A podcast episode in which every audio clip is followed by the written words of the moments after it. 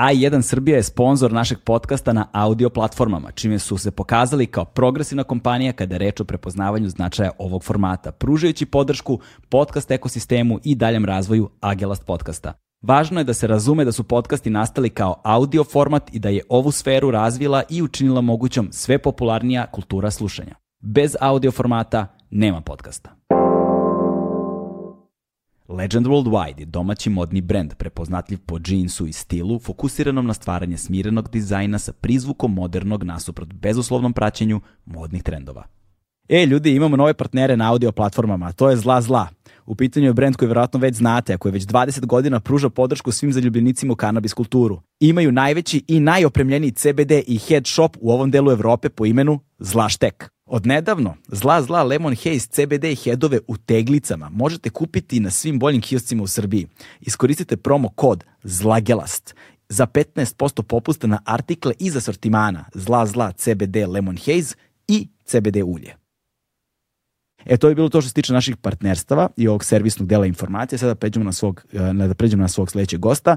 U pitanju je čovjek koga verovatno svi u regionu veoma dobro znaju poslednjih 30 i nešto godina unazad kao muzi vrhunskog muzičara, čovjek koji učestvuje u kulturnom stvaralaštvu naše zemlje, i u regionu na više načina, kroz muziku prevashodno, da će to da se komponuje za film ili kroz džez, kao profesor na fakultetu, na brojne različite načine o temu smo svemu govorili, o njegovom razvojnom putu uh, u muzičkom svetu, o njegovom učestvovanju u filmskoj industriji, filmu i serijama, o učestvovanju kao profesora na dva različita fakulteta, radu sa đacima, radu sa brojnim studentima, kao mentor brojnim, mnogima od njih, ali ono što je najvažnije i čovjeku koji uskoro objavljuje svoj e osmi studijski album, a njegovo ime je Vasil Hadžimanov.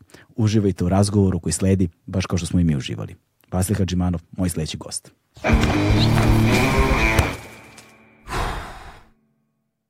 Hmm.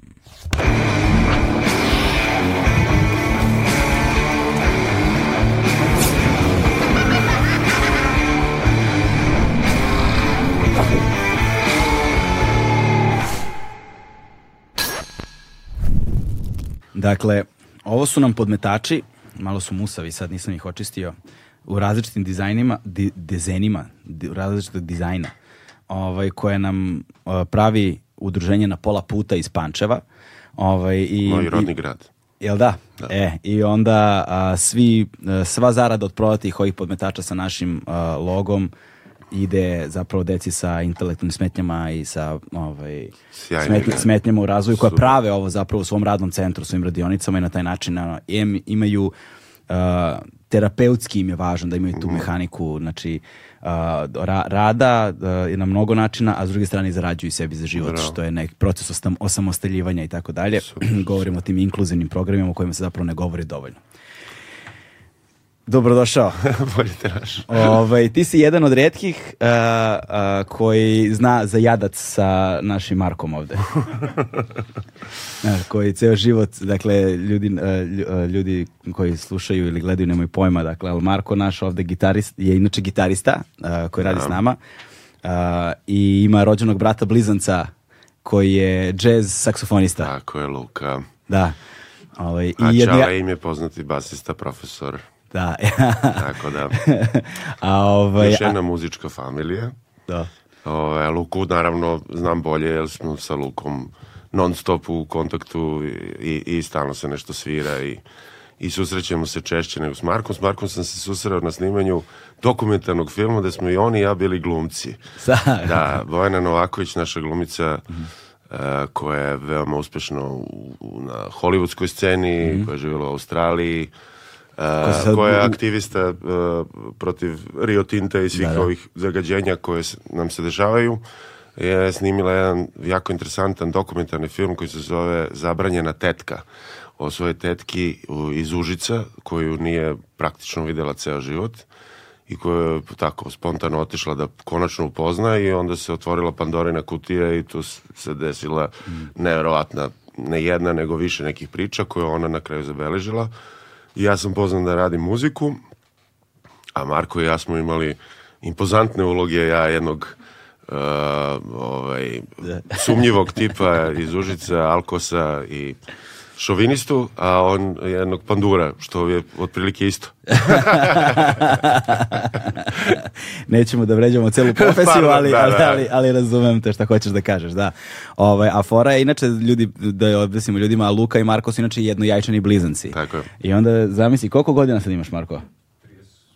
36 godina, znači još malo, još malo dolo... 36 godina slušao ovo što smo mu sad pričali. A vi u stvari ne ličite toliko, pa možda malo nešto... Ceo život, ja bi, ja bi lepio. Ali ne mislim da je najveći problem njima ovaj, što im se ljudi jave, a oni ih, ne, znaš, misleći da je ovaj drugi, onda ih ovaj ne prepozna i onda su u fazonu, "Uj, kako je uobražen, mamu mu, znaš, kaže, znaš to. Šta kažeš? Javljaju jer znaju. Da, znaju za Da, da, jadac, ali opet pa- se javi, na- ali znaš ono kad ti se Lakše neko, je tako, znaš, ono, samo da, da važi, jeste, ja sam Luka, okej, čao. ali znaš ono kad ti se neko javi, ali vidiš u u očima ono prazan pogled, ne zna, nema, nema prepoznavanja, znaš kao.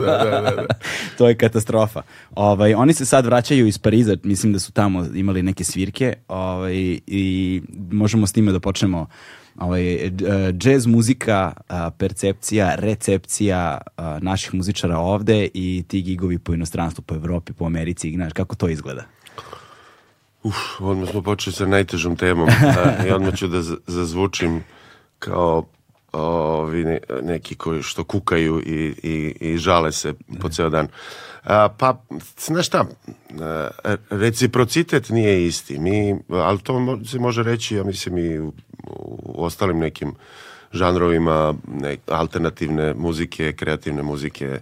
A, mi zaista sad imamo sasvim fin program ovde ako pričamo o inostranim uh, muzičarima koji gostuju u Srbiji. Da. Uh, imamo i nekoliko festivala koji su odlični kao što je Beogradski jazz festival gde zaista dolaze najveće imena a, imamo, ne znam, Musicology festival gde Miša Relić sa svojim BTF Art kafeom dovede sjajna, isto i, i uspešna i talentovana imena iz sveta muzike a, odande, ali nemamo taj povratni moment. A, mislim, ja sam na sceni sad mogu da kažem 33 godine, pošto Wow. sam sa 16 godina zvanično krenuo prvi put da sviram javno i snimao, a sad imam 49, znači z, e, ceo, ceo taj moj angažman e, i naš angažman e, zajednički e, je uvek stremio ka tome da se ta muzika podeli po, na što široj teritoriji e, i da ne sviramo samo isključivo u Srbiji ili samo isključivo u regionu ili samo isključivo na Balkanu. Međutim, ceo proces je užasno komplikovan i težak kad živiš ovde gde živiš. Generalno, džez muzika i znamo šta je i kako je i koliko se sluša i koliko se pušta i na koje uh, ko- koja je uh, vrednost komercijalna te muzike o umetničkoj ne želim da pričamo, to se podrazumeva da je visoko. Uh, i borba je svuda. Da. mislim, stvarno je borba svuda. Ja sam živeo u Americi pet godina znam kako je i njima. A, imam prijatelje širom sveta i Evrope koji su takođe muzičari i ne može se reći da je naš samo ovde sada tako kako je, ali e, o, nekako smo mi uvek odstranjeni od ostatka sveta, pa čak i od naših suseda, što je meni nekako i najkrivlje. Moram priznati da na tome, ako ništa drugo, na tome radimo sve vreme, da te kontakte ovaj, nekako produbimo, mislim, koji su najprirodniji, najnormalniji, Da, da. oni su nam najbliži, znaš, najnormalnije je da mi odemo u Hrvatsku, Sloveniju, Bosnu, Makedoniju, Da, sviramo i regionu, obratno. da. Dobro, ti sviraš puno po regionu. Pa ja da kucnem u drvo sviram, ali nisam, ja, e, ne pričam samo o sebi. Jasno, jasno, da, generalno. Da. Generalno ne postoji ta e, razmena na onom nivou na kom bi zapravo trebalo da se desi. Da, pazi, sad nekoliko stvari. Prva stvar, o, 49 godina, znači puniš 50. Kad puniš 50? 23. juna. Da jeste sigurno, dakle... Imam dobro. još fore. Imaš još fore, ali uzeo si 50 što bi se reklo. Tako je. Dakle, ako neko izgleda, ono, ima baby face, znači tebi je genetika baš fino poslužila. Da, Ovaj, hvala mama i tata. Da, to. Ovaj, dakle, 30 čovječe godina o, na, na sceni.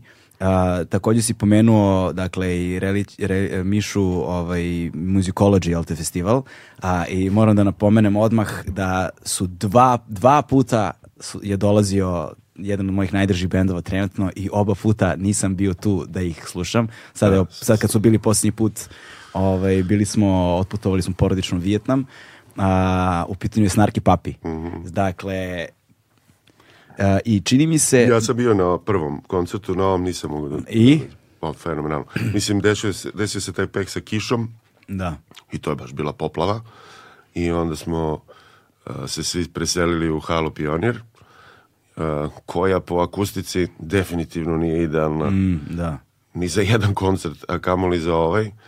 Međutim, toliko su dobro svirali, toliko dobro bila atmosfera, ti ne možeš shvatiti što je bio, kao rock koncert, mi smo ono, pevali te teme zajedno E sa sad mene njim. zanima, pošto je to uvek veliki problem sa bendovima.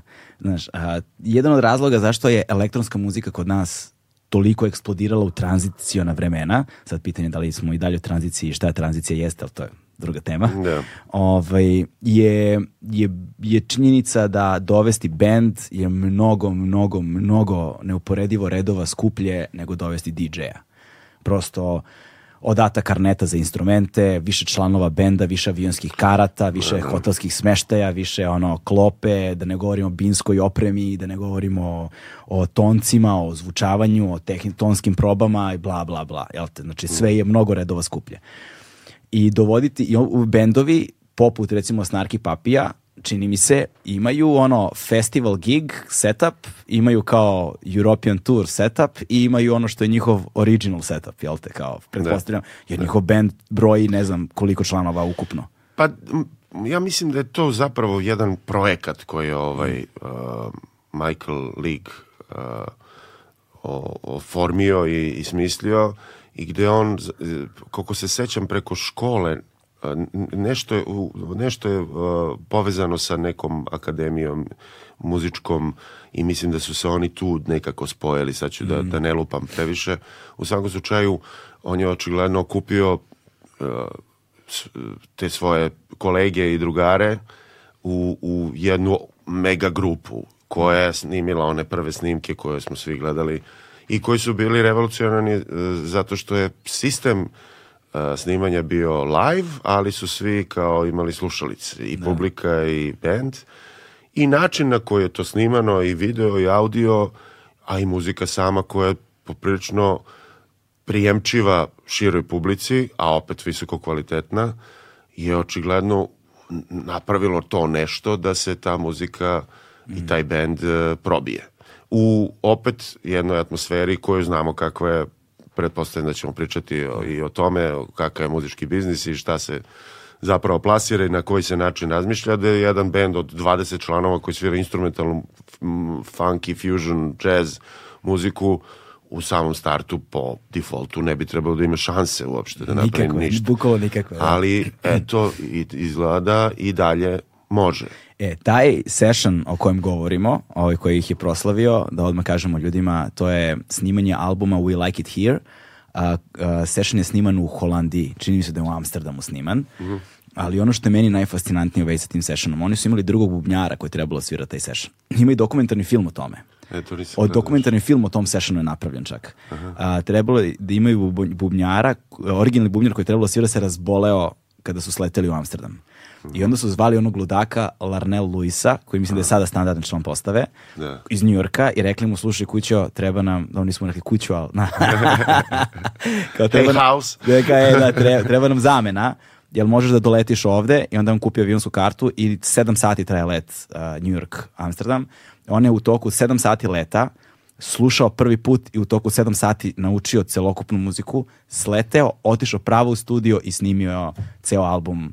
Nakon- Onako kako je snimio. Onako kako ga možete da ga čujete, to je la, taj bubnjar. dobro, Larnell ja imam odmah, odmah priču uh, koja, koja je slična uh, u momentu kad se snimio uh, četvrti album uh, mog benda uh, desila se rokada sa basistima. Basista koji je bio do tada u bendu više nije bio u bendu i uletio je današnji i sadašnji basista Miroslav Tovirac koji je jedan genijalac koji je i multiinstrumentalista i, i tako dalje. U svakom slučaju uh, imao jako malo vremena, jer u Domu omladine treba se dešava uh, ono, promocija Da. novog albuma i veliki koncert u Amerikani.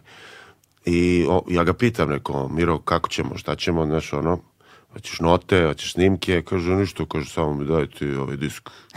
A on je onako, ima blizu dva metra, znaš, onako, sa, kurpulentan. I ja kao, dobro, i damo disk. I sutra me zove, pazi, ova naša muzika je naš Snarki Papijevska u tom smislu Da, da. aranžmana, a, angažmana, znaš, nije baš ono, sednem i tri akorda skinem i kao sve okej. Ovaj, kaže, ja sam skinuo. Šta si rekao, skinuo je? Kaže, ceo disk, ali gotovo. Dobro, rekao, aj dođi ti kod mene, rekao da mi proverimo to. I čovjek odsvira ceo album onako sa mnom Je. na prvu i mi odsviramo fenomenalan koncert. Tako da ima i kod nas takih. Da, pa evo, to, mi kad smo radili ovaj session uh, sa Prti BG-om i onda su nam bili, ovaj, uh, bila nam je ova s čime ekipa cela, jel te? Uh, I mi njima damo prti muziku, znaš, kao, da, stavimo prti muziku, zove, zovu nas dva sata kasnije, kao je, Gotovo. Naravno. je, je, te čovječe, znaš, to je, ne, ne, ne- te stvari su meni neverovatne i mislim da je internet učinio baš mnogo da pomogne ljudima poput mene, koji smo ono zaljubljenici u muziku, ali prosto nemamo taj, to, to, ne znam kako, znaš, taj, taj sluh koji je neophodan da ti odmah razaznaš. Meni je neophodno da imam informaciju. Kad mi daš informaciju, lakše mi je da slušam. Znaš, i džez mislim da zahteva to u velikoj meri. Da, za- zahteva ti ponekad kontekst i zahteva da imaš određene informacije koje ti onda olakšavaju slušanje jer ti unapred kažu na šta da obratiš pažnju. I onda ti upotpunjuje to, to, to sonično iskustvo. Da, pa dobro, sigurno, eto, da, da i to ima, ima smisla. Ali o, mislim da je osnovni problem u, u, u samom startu da neko krene slušati jazz muziku, ta, ta famozna priča za, da je džez zapravo za odabrane i za o- o- određenu vrstu publike koja mora da zna istoriju džeza i, i s- s- sve kako je to išlo jedno za drugim da bi mogao eventualno da pusti sebi ploču i posluša za Boga džez ono, ploču, mislim. Znaš, to je potpuna besmislica. Um, i kao i u svakoj drugoj vrsti muzike postoji dobar džez, postoji loš džez, postoji onako džez, postoji naporan džez, postoji lagan džez i svakakav neki džez. Uh, uh, tako da uh, ne, ne možemo uopšte tako generalizovati stvari da ćemo kažemo ovo je muzika za deset ljudi u ćošku koji su za Boga obrazovani dovoljno i, i naučeni da, da mogu da prepoznaju šta se tu dešava na početku i na kraju svega ja, ja kao recimo lajk u slikarstvu sam sada bio u, u Beču, s, s, Nataša i ja smo bili u Beču i, i otišli na izložbu Basquiata, Jean-Michel Basquiat u stvari. Ovaj, pravim tu paralelu namenu zato što zaista mislim, naravno imamo ono neko osnovno obrazovanje iz istorije Umetnosti. umetnosti, ali sada baš da, da, da znaš, ono, pratim i da, da znam, ne znam. Taj doživljaj je neopisiv. Ja stvarno ne znam koje on tehnike koristi. Da. Ja stvarno ne znam koliko god ti naravno dobiš tamo inf- informacije i imaš i dokumentarni film u jednoj sali o njemu i ja uh, mogu da povežem neke tačke i naravno volim e, njega još odavno i gledao sam i film o njemu i, i igrani i tako dalje.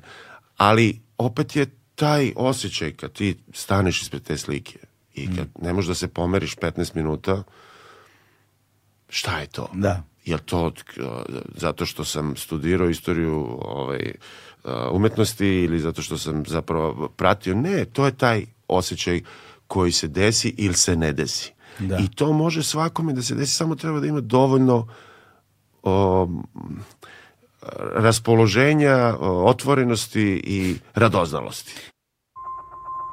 A1 je prvi prijatelj audio izdanja Agelast podcasta.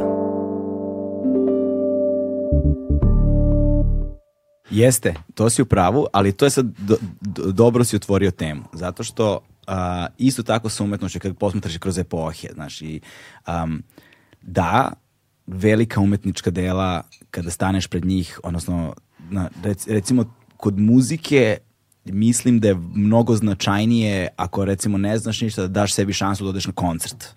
Da čuješ naravno. uživo, da čuješ uživo. Kao što je jedna O stvar... kad- koncertima i pričamo Da. u suštini. Kao što je jedna stvar kada ti gledaš reprodukciju velike umetničke slike na papiru, na nekom, nije važno koliko veliki je ekran i koliko dobar Nema ekran. veze s mozgom. Mora da staneš ispred nje fizički. Apsolutno. E, isto tako, da, kad čuješ džez u, ne znam, restoranu, kafiću ili kada ga čuješ uh, na nekom CD-u ili kod nekoga, bez obzira na koliki, koliko god da je hi-fi, ono, sound system koristi lampaše ove, ove, one, uh, koliko god da je dobro, dok ne vidiš ti te ljude kako uživo sviraju i staneš ispred njih i posvetiš im ono 10-15 minuta pažnje, neće ti biti, nećeš imati tu impresiju, znaš. Apsolutno, da. Ovaj, ali isto tako, ako ti dam još dodatno konteksta pre samog slušanja, e, to iskustvo postaje stvarno potpunjeno. Naravno, naravno da je uvek lakše da, da imaš još neku dodatnu informaciju koja koja će te približiti možda i ličnu informaciju o muzičaru, možda uh, informaciju o njihovom odnosu baš tih muzičara koji su na sceni, možda o tom projektu koji je osmišljen na taj taj način i ima za cilj to i to. Uh, sve to ima, ima naravno veze i, i pomaže, ali taj glavni osjećaj naš je to niko ne može da ti oduzme, niti da ti pruži na silu. Pa da. Jel? I, i, i sve ostalo pada u vodu. I te informacije koje dobiješ i sve to je okej, super da imaš, ali možeš isto tako da ih nemaš, ovo će da se desi, jel? Da, da, da. Ili neće se desi. I ja mislim da po tom sistemu uh, funkcioniše i jazz muzika. Ili će da te uhvati, ili neće da te uhvati. I po tom sistemu treba i da, da se koncipira i razmišlja o muzici kad se, kad se stvara. Uh, što je isto greška dosta nekih muzičara koji jednostavno nisu zainteresovani za taj aspekt komunikacije sa publikom. A, a, muzika je od vajkada bila usko povezana sa ljudima koji su slušali, jel? Ovi koji su svirali i ovi koji su slušali. Nije to bila neka e, interna e, klaustrofobična priča gde ja sada, ne, ne, to je moj izraz i vi ako hoćete, hoćete, ako nećete, mene to ne interesuje, izvolite i tako to. Um, znaš, samo ako krenemo da razmišljamo o tome kako su nastali instrumenti, kako je nastala određena, određeni tipovi muzike, kako je nastao džez u ostalom, uh, priča je vrlo jednostavna i vrlo po- povezana sa hip-hopom. Uh, uh, ljudi su svirali određene melodije, određene pesme, a publika je plesala uz te pesme. Međutim, pesme su bile prekratke o, o, završi se tema A, B, A, forma, ćao, gotovo, idemo sad sledeća, njima se baš dopada da plešu uz ovu. I onda su se muzičari dostavili, što ja da vrtimo ovo u lup Da, da. i da probamo da, da sviramo nešto, a šta ćemo, pa, pa ja znam, ja ću nešto da, ono, izmislim. I tako se desila improvizacija. Zato što je neki svet želeo da pleše, a ne zato što je duboko u, u sebi on otkrio da je to njegov umetnički izraz. Mislim, je, naravno da je to bitno, ali je jako bitna ta spona između publike. Hip-hop je isto, jel? Znači, kako je prvi DJ napravio ovaj loop Da. u to na breakbeatu, ono, zato što je se desilo da, da se ovaj, ekipi koja je džuskala najviše sviđa kad ostane sam bubanj Da, da. a to je bio deo pesme od četiri takta. I onda se onda osetio da ostavi dva gramofona i da vrti istu ploču četiri takta ovde, četiri takta To ovde, četiri to se zove beat juggling. E, tako beat je. juggling, da. Beat juggling i onda je MC nešto malo preko da kaže i Da. desi se potpuno novi pa zapravo. MC je imao- ljudi koji plešu. Da, MC je zapravo imao ulogu hype-mena. Tako je. Znaš, ovo kasnije repovanje je došlo posle. Da, Prvi da, da, MC-evi su bili ajmo ruki gore. Tako je, Znaš, tako je. Kao i onda je malo krenuo, ajmo ruki gore u ritmu. Da, da. I, I onda, onda- onda je krenuo malo, ja imao ruke gore, by the way, kao ja sam bolji od ovog. da, to je ostalo do dana danas. to je ostalo da Ja sam najbolji. Da, ja, e, to je ono, ne, kao to kurčenje je ono sastavni element ovaj, da. hip-hopa, bez toga ga nema. Da.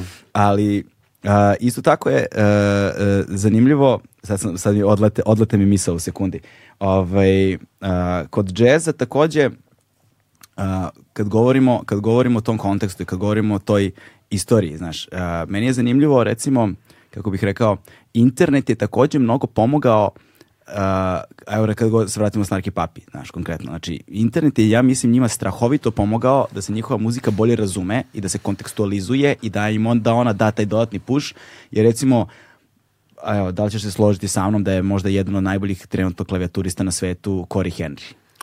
Pa, mislim, kad, Ne, na- kad kad krenemo na- da pričamo to najbolji, Da, onda, onda, malo smo nezahvalnim vodama. Odmah ne, Da. ali jedan od najtalentovanijih i najkreativnijih, apsolutno. Znaš to, e, i onda uh, ima ta numera Lingus na, Da, naravno, sa, na albumu sa Like legendarnim solom njegovim. te on odlazi u taj solo. E, Sad, pitanje je uvek, Ne, odro, ono. znači, pitanje je uvek koliko je to improv, I to je improv. znači, ono je vam To je pamet. improv sve. E, ali recimo, šta je Pa meni vidiš znači? po reakciji e, kolege pored. Da, da, da, da, koji ima fazon četiri gremija pod pojasem, ono. I koji se ono, da shvate, kao je, šta se dešava. To je pokida, baš je dobro solo. E, ovaj, e sad, uh, kada ga prvi put slušaš, nemaš nikakav kontekst, ti zapravo ne znaš šta se dešava. Ali onda ukucaš Cory Henry uh, keyboard solo na YouTube-u i tebi izađe more, okeani, ono, videa drugih muzičara koji ne samo što reaguju, imaš taj reaction videos, koji reaguju njega, nego ima i oni koji imaju breakdown šta zapravo on radi. Šta se dešava, da. I onda kad počneš to da gledaš, ovaj, i vraćaš se ponovo i onda dobijaš tu više slojnost slušanja. Sa svakim sledećim slušanjem ti si u fazonu da li je moguće da ovaj lik toliko nije normalan. Da. Ne. Pa pazi, mislim, neću da grešim dušu, znači sve ovo što sam rekao za taj prvi impuls Da. koji dobiješ je najbitnije i to je suština svega. Ali naravno da je super kad imaš dodatne informacije u tom smislu. Št- Koja se tu harmonija dešava? Šta je on tu odsvjet? Sad to su naravno muzički termini i teorije koje ne može svako da zna, ali jeste divan plus da, da možeš da priđeš materiji i sa te strane, gde, ne znam, bubnjar je odsvirao tu, činelu, zašto baš tu činelu? Na taj način, ovde je break taj, ovde je, ne, ne znam, gitarista ima ovo pojačalo, uh, od tih nekih uh, informacija do čisto muzičkih, znaš, ono, ka, kao koji je koncept, koja je orkestracija, kakva je harmonija, e, zašto je ova melodija ide preko ovoga, kako ide ovaj break ovde itd. itd. Čime se zapravo mi muzičari 90% vremena i bavimo i, i stalno nešto, i, znaš, ono, e, tražimo i, i, i e, eksperimentišemo u tom smislu, pa nam je uvek interesantno kad vidimo da je neko uspeo da otvori neka nova vrata. E, Ono što je meni takođe zanimljivo, kada uporedimo džez, recimo sa tim savremenijim muzičkim pravcima, a, ja uvek volim da pravim paralelu između džeza i metala. Jer mi se čini nekako, kad govorimo o publici koja sluša i kad govorimo o muzičarima, da pristup a, samoj muzici i samoj kulturi a, džeza ili samoj kulturi metala je vrlo sličan, iako su muzike značajno drugačije. Dobro. Dakle, metal Moram band kad da- promeni gitaristu, publika je u fazonu, a ovo je sad propalo, ovo je užas. Svi metalci znaju čl- ime člana svakog, be- svakog člana benda, dobro, u tom znaju kontekstu, celokupne albume, znaju ko je šta svirao, svirao, ono, kad dođeš na metal koncert, 50% publike svira neki instrument. Znaš, Da, svi su da, ono, da. najgori metal band, razumeš, na bini zvuče ono, kako je neko rekao jednom prilikom, kaže, zažmuri i slušaj savršenstvo, tvori oči, gledaj cirkus. Dakle, često, često za metalce. I mislim da ta posvećenost uh, uh, koju ono, metalci imaju metal muzici je nešto što za sada, iskreno kad govorimo o organskom zvuku, to na taj način srećem samo u džezu. Pa vidiš, nisam tako nikad razmišljao, pošto ovaj, moram priznati da i nemam mnogo, Da, da, da. mnogo dodirnih tačaka sa metal, metalom ili metal muzičarima. To je jedna od muzika koja recimo me nije Mm. potkačila. Svašta sam slušao i svašta volio i kao klinac i dan danas. Osim mešuge, ovaj, ništa drugo. Ovaj, E, pa recimo, znaš, to što Mešuga svira, nećeš čuti, ono, čućeš u džezu. E, pa to je. Zato Razumeš? me, i- zato me i... Ovaj, Kapiraš? A onda su oni zbog tog stila sviranja post, nastaje, ceo, nastaje ceo žanr Da, inspirisan, gent, da, inspirisan time, Pa koji svirao sam ja sa. David Maksim Mičićem, De. koji je fantastičan i koji zapravo je uspeo da spoji ta dva sveta, te neke nazovi fusion muzike, uh, koja je moderna elektronska jazz muzika i ovaj i metala. I meni je to fenomenalno. Ali ali mislim da metal muzika ima više dodirnih tačaka sa klasičnom muzikom. E, to je istina, Jer je, da. jer je jednostavno uh, od A do Š uh, osmišljena, o, tako se svira kako se svira, delovi se ne menjaju, svako ima svoj maltane, ni te improvizacije, sola su ono, pretpostavljamo u 90% slučajeva unapred već uh, Da, da, da, da, da. ono, Malo je improvizacija, pa da, malo je da, improvizacija. a ovde je sve improvizacija Da, da, da, da. maltene, jel? Tako da zapravo u tom kontekstu nemaju, ali možda u ovom ono uh, praćenju članova i ko je šta da, svira. i tako. posvećenosti, Da, zato što, posvećenosti. zato što a, metalci imaju tu tendenciju da budu hermetična zajednica, Mm. znaš, koja je ono, i koja se prepoznaje kao takva, znaš, i to sam primetio A i isto džezeri. džezeri isto, jer meni je fascinantno koliko jedni i drugi umeju da budu isključivi prema svemu drugom. Da, da. Znači, ja, ni, ne, ne dešava mi se nigde što je toliko, dosta loše. pa da, ali ume da bude i vrlo zanimljivo. Ne. Jer ne dešava mi se često, ovaj, uh, ali kad god mi se desi, ono 90% slučajeva je to sa džezerima. Da upoznam nekoga ko je džezer i zna samo džez. Ne. Znači, govor, ka, I, pomeneš... I pomalo truje sve ostalo. Da, ne, ne da truje, ne, ne, Da. prosto nije zainteresovan ili zainteresovana. Da, Prosto, da, to su ovi fini. da, da, da, ne znam, ne znam za ove što truju. Ne, ne bih mogao da kažem da sam imao puno susreta sa njima. Više, Dobro, bravo. sedim i pričam, znaš, ne znam, evo, Lu- Luka, njegov brat je odličan primer. Da, Luka je fin. Da on je baš fin, nije- on je baš nije, fin. Znaš, taj. sad ne bih da, da, da ono, panjkavamo Luku. Ali kad smo već kod Luke. Da, kad smo već kod Luke, da. I, imena e, muzičara koje on nikada nije slušao je meni fascinantno. Znači, fascinantno što ti pomeneš, tako kod nekih džezera imaš, pomeneš im neke od najkomercijalnijih, najpoznatijih svetskih imena, nikad čuli. Evo ima snimak, recimo, Larnell Lewis, bubnjar Snarki Papija, ima snimak na YouTube-u, njega, koji prvi put sluša Metaliku i A, odmah vidio sam. svira drum solo. A, vidio sam, da. Kao, ali kako si nikad u životu, imaš 40 plus godina, nikad u životu nisi čuo ni jednu pesmu Metalike. Što zvuči kao, znaš, Pa dobro, to je isto kao da pitaš nekog metalca kako nikad niješ čuo Van Shortera. Mislim, a verovatno nikad nije čuo Verovatno. ni ko je Van Shorter, ni, ni šta radi čovjek. Tako da, nije to tako m, nenormalno. Ljudi su u svojim svetovima i, i, i možda su ponekad i previše zatvoreni u svom Previše, svetu. da. Ali, o, opet, s druge strane, da bi nešto dobro radio, moraš poprilično se posvetiš tome. I da bi se posvetio tome, onda nemaš mnogo ni vremena ni, ni resursa u, u, u mozgu više da pamtiš sve ostalo. Ja sam, moram priznati, u tom kontekstu poprilično otvoren, čak što više mene baš interesuje druga muzika i ne samo da je slušam, nego da je sviram. A možda čak i da, što se dešavalo mnogo puta, da u tom svom bendu ili u svojim nekim projektima kojim god bili, ovaj, iskoristim nešto kao inspiraciju. I mislim da je to ovaj, zahvalno iz više razloga. Jedan razlog je što ta muzika, kao i sve u, u, u životu, kada kalemiš ili, ili praviš simbiozu nečega, obično ispadne nešto do, bolje nego što je bilo.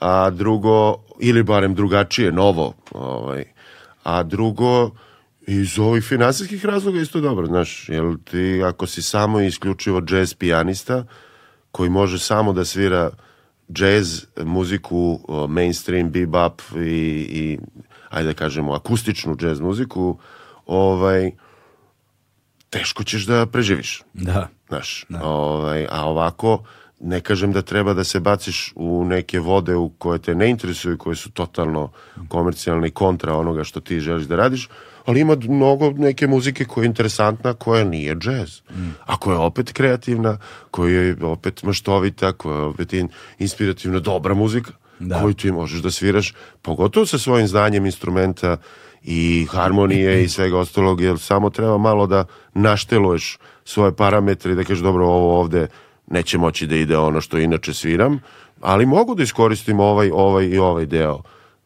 onoga što inače radim i u odnosu na to naravno šta se dešava na sceni ili na snimanju i kako se svira ta muzika i ko je svira, namestiš svoje satelite i svoje, kažem, parametre i ociraš gig ili ociraš Da, da. Recording E, session. Setio sam se, sad si me podsjetio šta je to gde mi je misa odletela, a nadovezuje se na ovo lepo, ovaj, i a, otvorio se još nekoliko tema koje su mi zanimljive u muzički posmatrano. Dakle, stvar je bila kad si govorio o nastancima džeza, jer su ljudi želeli da plešu, jel te? Da, da. I kako je ovaj, što smo pričali da je ovaj MC u hip-hopu isto to bilo lupovanje i hype man i tako dalje. zaboravljamo, i to je ono gde mnogi pravi grešku, zaboravljamo da je ljudska potreba za zabavom uh, nije banalna potreba. I, i, i bendovi uh, uh, kada žele da ispune ljudsku potrebu da se ljudi dobro provedu, ne znači da su time manje bend. Šta više, znači da su više bend. Znači ne znači da je time njihova muzika nižeg registra, šta god to značilo. Št- o, baš o, o, suprotno od toga. Potreba za zabavom je vrhunska potreba i ispunjavanje te potrebe je ono vrhunska umetnost. A pritom ako ti kroz sve to uspeš da učitaš još niz drugih stvari, ono, Pa, moja ideja i ideja ovog benda uh, mog je uvek bila da e, recimo zahvaljujući Bokiju Ivkoviću koji je član benda već 22 godine uh, koji je jednostavno takav tip. On je uh, uh, pun humora, pun energije i, i tako se i ponaša na sceni i ima određene deonice sketa takozvanog gde na licu mesta improvizuje tako što izmišlja neki jezik i, i uh, repuje na nekom jeziku koji ne postoji, na primjer, e, zajedno sa nekim efektima. I to su neke stvari koje su nevjerovatno zabavne ljudima koji dođu na naš koncert. Što ne znači da sad on treba da sketuje svaku pesmu non stop. Da, da. Jel? Ali je meni isto uh, drago kad se to desi. Nije to samo sad da smo seli i razmišljali o ovo i prolazi kroz kod ekipe, ajmo sad ovo da forsiramo, nego je super moment, jer on to radi fenomenalno i kreativno i ovaj, da malo opusti stvari u odnosu na nešto drugo, što ćemo isto tako da im plasiramo, a što je seriozno i što je malo kompleksno i što je malo zahteva neko strpljenje i neke, neke druge emocije izaziva osim zabavne. Jel vidiš, sad je zanimljivo je kako si to pomenuo. To je sad na pri- primer dobar gde je jazz uspeo u jednom trenutku da uleti u mainstream, ovaj, a da to ljudi koji inače ne znaju ništa o džezu nisu imali pojma. E, Ono, 90. godina i početkom 2000-ih, čini mi se, je straho, strašno bio popularan onaj Scatman John. Tako je. njega, on je, ja mislim, umro, on je sad, ono, već, ne znam kad je umro, mislim da je umro on. Ovaj, Scatman John je bio, on je, on je bazirao celu svoju pop karijeru na tome. Na tome, da, da. I sa nekim modernim dance bitovima, šta god da je bilo Tako je. popularno u 90-ih. Znaš, ni- ni- ne, ne znam, niko to nije shvatao previše ozbiljno, jer je bilo tako, ono, znaš, da kažemo, polu, polu humoristički, polu da. humorističko i jednostavno, a on je imao i taj look, ono, i ta, znaš, ono, sketa i, Da, iz, iz da. tog perioda, znaš, sa tim širom, sa tim modelom, Da, cijel taj da, da. fazon. Ovaj, što ja kada sam se prvi put susreo sa time, ja sam za Scatman Johna naravno znao da sam ga vidio na MTV-u ili na nekom MCM-u ili Vivi ili šta Da, god. da, da, da. Ovaj, nemajući ikakve blage veze. Tek sam tipa 15 godina kasnije saznao da postoji ceo džezu način pevanja koji se tako naziva. Pa, sket je zapravo improvizacija a, gde, gde pevač imitira instrument. I ti imaš uh, niz nekih pevača kao što su Hendrix, Lambert i Ross, jedan trio vokalni, koji je čak transkribovao poznata sola poznatih džezera, pa stavljao tekst na ta sola i pevao ta sola sa tekstom, što je neverovatno teško. A i s- po, po lagama i po boji njihovih glasova su se delili, ne znam, o- o- ženski glas je bio truba, ovaj je bio tenor saksofon i tako dalje. I to je bio zapravo sket. Uh, ono, šubudub, papdub, paptu, bap, tibdu, bap, burabdu, znaš, te, ti Da, da. fazoni su posle došli kao, kao neka uh, alternativa tome gde, gde nema teksta pravog, nego se, nego se onomatopejom Da, da, koristiš da, imitiraš opet kao neki instrument da svira, jel? kao truba ili saks ili ono. Ovo što Boki radi je sad, pošto mi ni, ni ne sviramo jazz, jazz, jel, nije to swing i ta muzika, nego je neki world music, pa je ovako, onako, onda ulazi u neke arapsko, uh, romske, uh, balkansko, ne znam, ni ja kakve vode, razumeš, da, da je, ovaj, i dalje se to zove sket, jer je improvizacija vokalna, ali zapravo nema veze sa onom o, E pa da, sad te fuzije su zapravo vrlo zanimljive jer ima jedan uh, live koji mnogo volim, a, iskreno mislim da je to najbolja funk svirka, ono, ne mogu kažem najbolja, zato što nisam oslušao sve funk svirke ikada snimljene i odsvirane na prostoru bivše Jugoslavije, ali jedna od definitivno boljih a, je, je nastup Dina Dvornika s njegovim bendom a, u Minhenu 95. Ima taj audio, ljudi mogu da pustite i pa ga čujte i tu ima recimo Nisam dosta čuo, sketa. Znaš, da je on ono, na bini improvizuju, sviraju, ne znam, Udri jače manijače 13 minuta verziju. Uje. Razumeš, znaš, gde svaki član Da, benda ima džem, svoj da. solo. Da, da, znaš, svoj solo, a ovaj a on koji u sred ono improv baca i ono radi sket, znaš, Da, potpuno da, je bio baš talentovan i pre, sjajan. znaš, sjajan. pre, pre, pre talentovan muzičar. Znaš. E sada, um, um, takođe te fuzije postoje kad ti znaš, kad slušaš recimo ne znam Šabana Bajramovića, ne znam, kad slušaš Malog Puža, znaš, to možeš da uzmeš da preslikaš, odneseš u New Orleans i svi da popadaju mrtvi ono. Pa to je neko već radio, sad ne mogu da se setim ko, da li je Uce ili Moguće da je moguće da je Uce, ali možda Zvuči kao nešto bi on radio. Da, da, da, da, da. Ali baš je malog puža puštao, a nazad je neki bit, neko ludilo. Nešto tako, ne mogu da se setim. U svakom slučaju, sve je u igri to, znaš, kad Mm. Šaban Baramović je genijalac bio, mislim, ta, kako on peva, to ne postoji. I taj, što ti kažeš, možda pustiš u New Orleansu, to je naš bluz, ako je nešto bluz, to je bluz, znaš, ono, i soul. Da. Ovaj, i zašto ne bi nešto od toga ti preuzeo? Ne ukrao, Da, da. nećemo to, jel, Jasno, znamo da, da, da, da. ko to radi, Ovaj, a, nego, nego, naš, jednostavno, to je uticaj. I ja sam svaki put, znaš, ta, ta, ta, to susretanje s tim balkanskim motivima, koji su odlazili u raznim pravcima, moram priznati, svi su u jednom momentu krenuli time da se bave, i vidjelo se da se ne bave baš najiskrenije nego zato što je neko rekao da je to sad unosno, jel? I da možda prođe. Ja sam zapravo prvi kontakt sa tom pričom imao u Americi 92. treće, ono, što mu sad dođe 30 godina, bukvalno, ovaj, a, sa Markom Đorđevićem Bubnjarem koji sad predaje na Berkliju, ove, a zajedno smo studirali tamo, e, i Bato Andonov, jedan fantastičan gitarista koji živi u Njujorku i to je grupa Sveti se zvala i, i tu sam ja prvi put video kako njih dvojice zapravo barataju sa tim balkanskim motivima, da mi recimo uzmemo igrale se delije i napravimo potpuno fusion ludilo od toga i to radi, brate. Znaš, nije to ono, znaš, sve ima smisla, jer je neko to uradio smisleno, uh, sa osjećajem, sa ukusom, sa tom dozom i humora i aranžmanski pametno i naravno odsvirao ga ono, top, Da, da. top ten, je, znaš, i ovaj, uh, tako da tu, tu sam kažem krenuo i onda sam shvatio ko je tu potencijal i ova balkanska regija zapravo ima nenormalno mnogo različitih uh, instrumenata, melosa, pristupa, ritmova, melodija, uh, zvukova u, u muzici, ono, znaš, koji, koji se zaista ne dešavaju nigde drugde. Znaš, ti ne možeš da čuješ to baš tako nigde drugde. Da, ma to- arapska muzika, je arapska muzika, turska muzika, je turska muzika.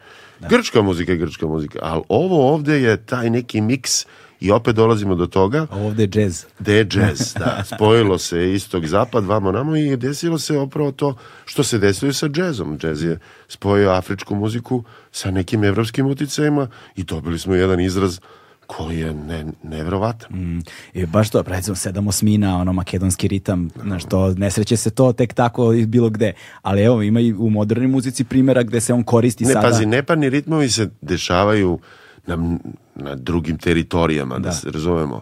Ali način na koji se tretiraju, Da. a, kao što kažemo kad swing, kad swinguješ, kad gruvaš, kad nešto ljulja, swing je ljuljaška, znači ljulja. E, ovo kako mi sviramo taj, tih sedam ili devet ili ovo, kako to ljulja, to ne ljulja nigde tako. Znaš? Da, da. E, to je taj neki ono, ne- naš začin. Neverovatno je da nam je neophodno vrlo često da izmestimo uh, ono što je nama valjda je to neka habituacija, ne, ne, ne znam, znaš, kao kad spavaš pored, kako spavaš pored železničke stanice pa ne čuješ više vozove, kao kada ono, ti kaplje slavina pa u jednom trenutku prestaneš da je čuješ. Da. A, isto tako, ako si rođen i odrastao ovde i ako je to sve tu od uvek bilo, ne obraćaš pažnju da je to deo tvog pejzaža, deo tvoje tapiserije, ono svakodnevnog Dok ne života. odeš tamo negde. Dok ne odeš tamo negde, onda shvatiš da ti to nedostaje. Tako je. Ili kada tamo negde samo uzmeš ovo i premestiš ga i odjednom u tom ovaj, u, u tom, u tom u, u tom pejzažu odjednom ovo štrči kao nešto potpuno drugačije. Primjer je dobar kad slušaš strance koji prvi put imaju susret sa nečim takvim. Recimo, ima sjajan snimak isto, evo, ljudi ima još jedna preporuka na YouTube-u, KEXP, jedan, jedan od najboljih ono, internet radio stanica i sessiona na svetu. Na KEXP-u imaju Esmu Redžepovu, koja je otišla tamo, gostovala kod njih i kad ona peva Šukarije, kad svira taj bend, to je ono, oni su vizualno prvo Nema dalje, potpuno van, naravno. nema dalje, nema dalje. Kako ona peva, e kad smo govorili o sketu, ona kad počne, Pa ja imam par priča apropo toga, znaš, mi smo osim ovog benda Sveti koji je zaista upravo to radio, mislim, uh, Bato Andonov gitarista je i tekako potkovan tom našom pravom narodnom muzikom, jel? I, i, i uh, romskim, ciganskim, kako god hoćeš, melosom i ovaj i Bosnom i Makedonijom a, i kad on odsvira taj jedan ton na gitari to je to, znaš, to je kao šaban kad pusti glas, znaš, i, i to ne može da se e, imitira, to ne može ni da se nauči baš do kraja, mislim, možeš, ali moraš mnogo vremena da potrošiš i da se družiš sa tim ljudima i da sviraš i tako dalje. I, a, I zaista se video taj, pogotovo tada, znaš, to je ipak pre 30 godina, taj moment da kad mi zasviramo, da su te oči uprte u nas kao what the fuck Da, to je pre interneta, ga, da. Pre interneta i, i ti neparnjaci i sve to, znaš, ima ta super priča da je Marko diplomirao, Marko je inače fantastičan bubnjar, virtuoz i kažem sada profesor na Berkliju, što je užasno teško postati da se razumemo, a on je odavde i naš je čovjek. A, I kako je diplomirao, odmah su ga pozvali da, da održi jedan master klas na Berkliju. I on pozove Batu i mene, a, ja sam tad svirao i dan danas u stvari sa Markom sviram levom rukom bas. To jeste onaj narodnjački fazon da narodnjaci sviraju taj bas levom rukom i to kidaju, ono ubijaju. Ja sam ovaj, vrlo brzo ušao u štos da kucam u drvo i, i zaista imaš osjećaj kao da su četvorica tipova na bini, a zapravo je to moja leva ruka, znaš. A, Marko, kažem, ubija to energija koja je eksplozivna, koja je strašna sa tim virtuoznim uh, pa, pasažima.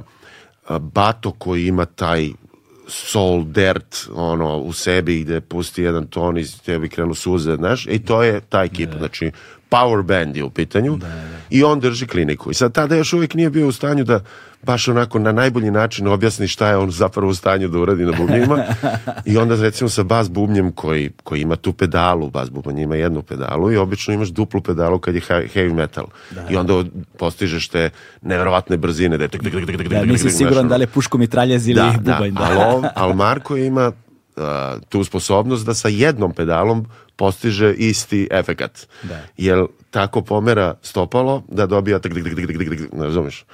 I sad u publici su uglavnom, ja se ne, ne bih da, da, da zvučim uh, uh, ružno i, i da generalizujem stvari, ali dosta Nemaca, dosta Japanaca, dosta Švajcaraca, jednostavno ljudi koji nisu u, u, u kontaktu sa balkanskim prizvukom uopšte, osim eventualno ako ne, ne, ne sretnu neku dijasporu u nekoj kafani.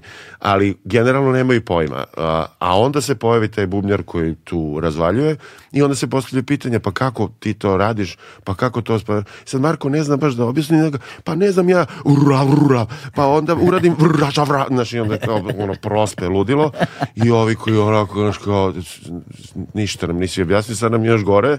E sad na sve to se penjemo Bato i ja i krećemo, sviramo pesmu koja je u 17 osmina.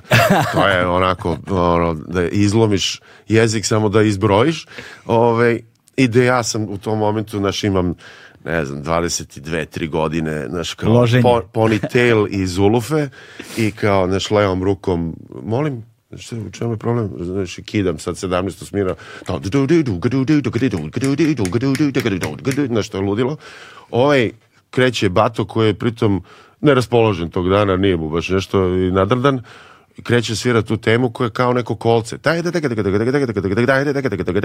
Nazumeš? Puca mu žica.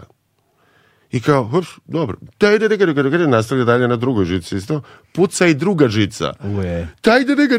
Nastavlja na, na toj trećoj, razumiješ? I ovaj koji kida bubanj, ja levom rukom, bas 17 osmina, haos totalni. I završi se to i ja mislim da su oni ustali i da je pola njih napustilo školu. Takav je osjećaj bio. Što, naravno, sad možda zvuči prepotentno i ružno kad ovako pričam, ali u tom momentu Berklija, mm. gde je zapravo ta kom kompetencija non stop prisutna, je bio dobar osjećaj da dođeš i da predstaviš nešto svoje, ali na tako moćan način na da te terenu. boga mi, na njihovom terenu da te zapamte da. i da, i da ovaj, i, i onda da shvatiš da je to zapravo e, vrlo bitan segment tog rada i da je to zapravo možda i najbolji e, put kako da se zapravo razlikuješ od mm. gomile muzičara, pogotovo kada u New York, koji ubijaju, kako se reći. CBD je, pored THC-a, najistraženiji kanabinoid iz sveta industrijske konoplje. Samo što on nema psihoaktivno dejstvo. Mnoge studije potvrđuju njegove pozitivne efekte i pomoć pri problemu sa spavanjem. CBD ne uspavljuje niti omamljuje, ali je san čvršći i kvalitetniji. Tako reći, budimo se odmorniji. Da, e, to je sad... I to baš njihovu muziku. Da, New York je, New York je, New York je posebna tema, ovaj, posvetit ćemo njoj malo pažnje, ali uh, kao komentar samo na ovo, ti zapravo kroz ono što radiš moraš da budeš i svojevrsni ambasador zemlje ili zemalja iz kojih dolaziš.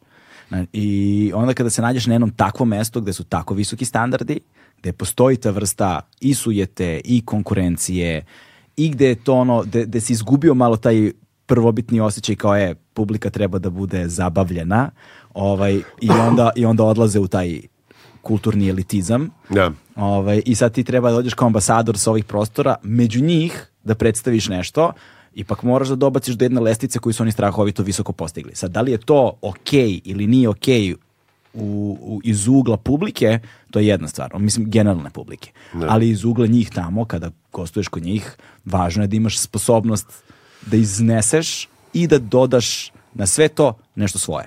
Pa u tome se radi što je čim ti koketiraš uh, ili ti uh, zapravo se baviš muzikom koja spaja različite stilove i pristupe, ti moraš da znaš svaki od tih stilova i pristupa najbolji mogući način.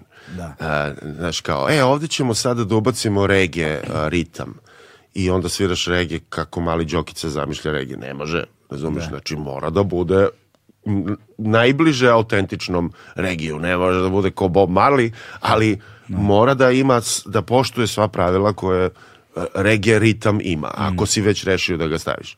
Isto važi i za balkansku muziku, i za džez, i za funk, i za rock, i za um, afričku, i za latinoameričku, i za elektronsku. Znaš, mi, mm. evo, isto ja sad od, od početka sviram te klavijature, sad već koristim i analogne klavijature i sekvensere i a, matrice sa laptopa i efekte i pedale, znaš, mm, nemaš to da. baš tek tako samo, mislim, mene uvijek zafrkavaju da ja, naravno, ne sednem dovoljno dugo da to, što je istina, jer ja čim provalim ono osnovne stvari koje su mi dobre, ja sam već završio, ali, ali, ovaj, ali generalno moraš da, da. se pozabaviš da. time da bi to, da to ne bi delovalo naivno kao dok e, sad smo ubacili bez veze. E, to je sad vrlo zanimljivo stvar si dotakao koji sam želeo da razgovaramo, zato što ti si se pojavio u jednom vrlo specifičnom istorijskom trenutku. Dakle, sad ne govorimo o ranim 90-im, nego govorimo o ranim 2000-im. Znači, kada si se ti već vratio ovde i ti započinješ svoju karijeru na jedan ono malo ozbiljni način, mis, mislim da smo se nas dvojica zapravo upoznali na promociji tvog prvog albuma, koji je bio 2001. ili tako nešto? Tako je. Tako nešto. Tako, tako smo, ne znam, to, to bio prvi pa, pa mislim da sam tad prvi put radio intervju s tobom, recimo e, na Metropolisu 2001. ili tako nešto je bilo. mislim, baš davno. 22 godine skoro da, mm. od tad ima. E, ovaj, Um, to je bilo vreme kada, kada je recimo 92 izbacivala ona i Balkan Sounds Global ili tako nekako se zvalo, znaš, mislim da su bile te kompilacije neke, da ne znam da li si, da li si ti Sećam sa se, time, da. znaš, e, ovaj, e, a to je sve bila kao posljedica Gilesa Petersona koji je tad, on je, to je uvek ono što je naš najveći problem, nama je uvek potrebno da, nam, da nas neko drugi otkrije šta mi to imamo, a ne mi sami da otkrijemo šta imamo. I onda je taj Radio 4 BBC, ili koji je već bio, krenuo sa tim i tu kreće te rane 2000 kreće ta pomama za tim world musicom takozvani world music. Da. I svi živi počinju da koketiraju sa Balkan soundom. Tako je. Ono, ceo svet počinje da jaše na balkanskom elosu. U, I uglavnom Tad i guča po, po eksplodira. istoj matrici. Da. Trubači, trubači, trubači. Trubači, trubači, trubači, tako je. Eventualno neki Guča vokal tad iz undergrounda koji- postaje mainstream. Zajaukne i to je to. A Balkan je toliko toga, a E. ne samo trubači koji su super, sve okej, trubači u redu, ali... E ti se baš u tom toga. trenutku si ti bio ono, Da, znaš, da. Je, je tvoje ime tu rezonovalo među svima i, ovaj, i to je sad jedna posebna vrsta izazova. Sad ne govorimo više o tom obskuritetu 90-ih na Berkeley gde ljudi nemaju pojma. Da. Mi sad govorimo o nečemu što je postaje vinjeta, što postaje um, skoro pa postaje trop neki, postaje kliše. Još, znaš, sada je već to u velikoj meri kliše. Znaš. Jeste. Posebno u to vreme kad je bila inflacija toga. Kako se razlikovati među svime time i kako svirati, to je ono da se vraćamo. Moraš da imaš taj autentičan zvuk. Znaš, A moraš da imaš autentičan zvuk šta god radio, a zove se umetnost. da. Mislim, i, ili a, moraš, moraš iskopati iz sebe to nešto što ti imaš, što niko nema. I svako od nas ima nešto što niko nema. Da, da, da. Apsolutno smo različiti. I naravno da je prvo i osnovno potreban talenat muzički e, da bi se bavio muzikom. Te priče 90% rad, 10% talent su gluposti nego talenat Ne može se danas talenat, smijati prvo tako. talenat, ali talenat kao samo platforma da bi mogao nešto da uradiš. Sad, e onda rad, naravno, ogroman rad i trud i vežba i bavljanje i itd. Ali uh, autentičnost kroz ceo taj rad se sve vreme uh, i traži i nekome izađe to vrlo lako, jednostavno se desi, neko mora malo da kopa, ali mora da bude svestan da to treba da se traži. E, Mnogi jednostavno nisu zainteresovani za to i lakše im je da kopiraju svoje heroje ili nekoga ko im već odgovara u tom datom momentu, a, a teže je o, zapravo pronaći šta je to što tebe čini drugačijim, što si malo bavljenje i, i samim sobom van muzike, a ne samo u muzici. A, koje su to tvoje osobine? Šta to tebe čini Vasilom ili Galebom, a ne Perom i Žikom? E, takođe, muzika kao takva ne podrazumeva samo bavljanje muzikom e, u smislu slušanja, sviranja i, i istraživanja muzike.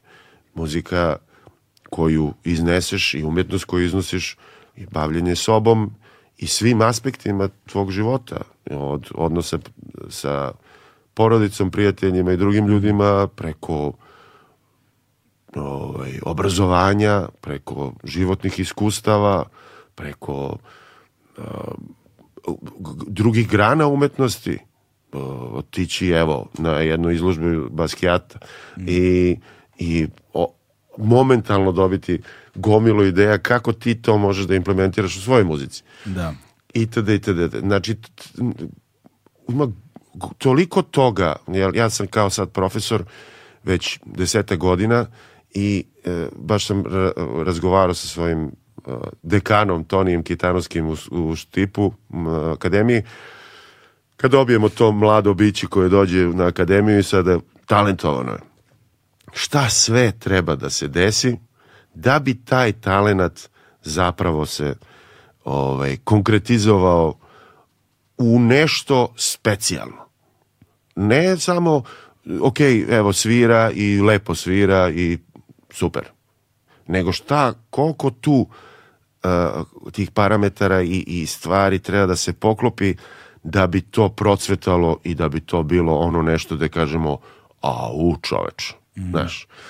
Tako da mislim da generalno treba to reći mladim ljudima, treba im dati takve savete, a ne samo ovo je zadatak koji treba da uradite za sledeću nedelju i pogrešno je ili nije pogrešno, jel? Da, e, dobro, otvorio si za dve teme. S jedne strane a, a, rad sa decom i rad kao sad radiš u Novom Sadu, pa ćemo pričati o tome.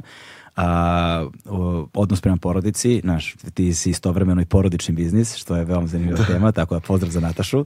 A, a, ali pre toga samo da završimo ovaj segment sa, a, sa dakle, etno elementima, dakle sa tim balkanskim elementima koji se nalaze u tvojoj muzici. Ovaj, sasvim evidentno, ali s druge strane, a, kako je moj profesor e, govorio za umetnost uopšte, kaže, čitajte, gledajte, slušajte, nemojte se plašiti da ćete početi da ličite na neke od tih umetnika, ako ličite na njih, to je dobar znak. znaš, kao, nije lako ličiti na kafku, kao, znaš, samo... Naravno. I, ovaj, A ne možeš nikad biti kafka. Ne možeš nikad. Znaš, se, i, da se kaže, trudiš. Jer da biste mogli da kršite pravila, morate prvo da ih naučite. Apsolutno to. E, i Pravilo tu, broj jedan. Da, i to, je, i to je ono što mislim da je važno za razumevanje, jer kada smo počeli da slušamo sve te implementacije, to je bilo koje sad je ovo popularno, daj ubaci ovaj, ovaj segment. Ali ne možeš ti tek tako da ga ubaciš a da on nema mnogo veze sa tvojom istorijom odnosa prema tome. Mm. Ovaj, i, I najveći problem je uvek bio u tim uh, fuzijama, u tim crossoverima, u tim, kako god da ih nazoveš. Kako pomešati dva, a da to bude ono što bi amerikanci rekli seamlessly. Dakle, da, to, da se ne vidi, da se ne oseti razlika, da se to uklopi prirodno i organski i da deluje kao da to jeste prirodni deo toga, a ne da je nešto što si ti nakalemio. Tako je. Pa dobro, u muzici je to zapravo i nije toliko teško, jer muzika je ne, ne, neopisivo povezana. Da. E, i, I koliko god delovalo kao kako sad uzmeš, ne znam, makedonski tapan i preko toga staviš sekvensovanu klavijaturu uh, mm. ili ono, mod, modularni synthesizer sa bitom nekim, da. vrlo jednostavno uradiš ga samo, naravno, kao i u svemu, potrebno je imati ukusa, stila, odnosa, uh, kako, kako da. uklopiti to, kao i bilo šta da uklapaš u životu. Ali nije to toliko sada kao, naš, dupe oko, znaš, mm. nije, nije. Uh, jer je, konekcije postoje, svuda postoje neke konekcije, ne znam, e, brazilska samba ima vrlo slična pravila kao marokanski ritmovi. Ovo je sever Afrike, ovo je Južna Amerika, mislim, znaš, niđe veze, što bi rekao, ali kao i te kako ima veze, ti bi mogo da staviš jedan paralelno do drugog i kao, to su tradicionalni mm. ritmovi, to, da. to su tradicionalni instrumenti, to nije nešto gde je neki dasa kao krenuo da uh, već radi na tome, pa kao sad smo da, dobili da, da. neki, neki, znaš, tako da ima niz takvih ono paralela koji ja prepoznajem kao neko ko ko voli muziku i ko se bavi muzikom već toliko dugo i, i odmah čim nađem tu sponu kao da. u, pa spazi ovo, je, ovo može zajedno. Ali treba je prepoznati, znaš, mora da uvedeš sebe u situaciju da možeš da prepoznaš. Apsolutno. E, to je onaj rad o kojem smo govorili to je rad, naravno. I kad si već pomenuo Tapan, ovaj, odmah da kažem ljudima, evo još jedna preporuka, poslušajte band Tapan, uh, ima live session u da, RTS-ovom da. studiju 6 ludilo da, muzika. Da, da, da. Ovaj, sad da se vratimo na temu. Um, ti si počeo uh, da radiš skoro i na, na fakultetu u Novom Sadu. Akademiju. Da, na akademiju, na, na akademiju Novom Sadu. To je ista akademija na kojoj je Stefan Milenković. Jeste, mi smo kolege. Kolege. ovaj, a, a, kako izgleda taj rad? Red, jer, izvini, uvod jedan samo na osnovu onoga što si govorio malo pre. Kada sam razgovarao sa Sonjom iz LP Dua, a ovde baš im, uh, ima i epizod LP Duo koga zanima da poslušaju podcast. Uh, ona je baš govorila o tome, ona dugo radi kao profesorka klavira, jel te? Mm. I, ovaj, I rekla je kako ti vidiš progresiju iz generacije u generaciju uh, uh, u tehničkom smislu. Zahvaljujući upravo internetu o kojem smo govorili na početku. Klinci dolaze na faks, ono, brucoši i zuvaju šta mogu da ti sviraju. Mm. Znaš ali doći od toga do autorskog izraza je nešto sasvim drugo. Naravno, pa pazi, ajde prvo da, da objasnim šta ja radim konkretno. Ja u, u, u Štipu na akademiji sam gost profesor već 9 godina i tamo radim na džez oceku kao gost profesor. Gost profesor je uh, posebna uloga gde se jednom u mesec dana recimo pojavi, pa održi niz predavanja i ode. To nije redovan profesor. Uh, ali tamo, kažem, radim sa studentima koji su svesno i namerno odlučili da upišu jazz ocek. Samim tim uh, ta komunikacija je logična i prirodna, jel ako neko želi to da da baš uči, a ti to znaš da mu kažeš, to je to. Ne. E sad ovde u Novom Sadu se desio jedan presedan gde sam ja zapravo dve godine radio za vreme pandemije kao isto gost profesor, a, ali kao profesor jazz muzike ili ti jazz klavira, improvizacije i harmonije za studente klasične muzike. Mm. I to je nešto što mi nismo imali. Koliko sam ja svestan da ne grešim dušu, imamo, imamo jazz ocik e, na Beogradskoj akademiji, ali koliko sam ja dobio informaciju, možda grešim, klasični uh, studenti klasične muzike ne mogu da uzmu ove časove kod Luke, koje je između ostalog da. tamo profesor. Što je Saksofona. Meni, što je meni bez veze totalno. Da. E, ovde se desio taj neke spona preko uh, šefa uh, klavirskog oceka i dekana da sam ja pozvan da budem prvo gost profesor, a evo sad sam postao vanredni profesor i to je posebna priča, jer uh, svi koji se bave klasičnom muzikom uh, imaju jedan sistem edukacije i obrazovanja koji je drugačiji od džez obrazovanja ili ti sama, sam pristup materije je drugačiji. Klasična muzika se svira iz nota, sve je zapisano, ti naravno daješ svoju interpretaciju i svoje viđenje tih nota, ali improvizacije nema uopšte. Džez muzika je potpuna kontra. Džez muzika ti daje temu, ili ne mora čak ni da bude muzička tema, možda bude atmosfera, možda bude ideja, možda bude crtež na koji ti onda improvizuješ i stvaraš na licu mesta kompozicije. Mm. Ti komponuješ na licu mesta. O, ovo su mladi ljudi koji se nikad nisu susreli sa time da ti neko kaže evo vidiš sad imaš ovo, to ćeš da ociraš tako kako, a? pa čak i to što imaš kao zadatu temu ne moraš uopšte baš totalno tako da ociraš, a onda posle bujrum. Izvoli ti, pa sad šta ti dođe.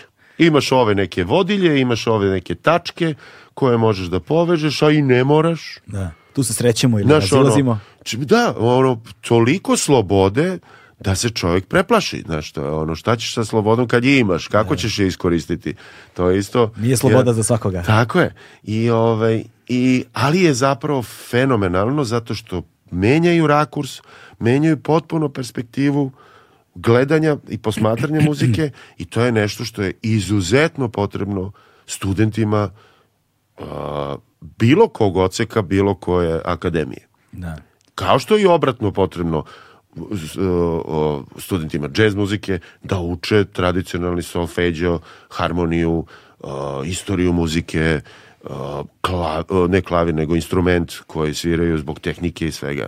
Tako da, meni je izuzetno zadovoljstvo, s obzirom da se imamo baš težak zadatak da to još prenesem online, što je užasno teško, jer ti koliko god da si se sve obezbedio sa ovim a, platformama, prekida se veza, ne mogu da vide ruke, moraš da im slikaš ruke, znaš, a prvi put se studenti susreću sa tim.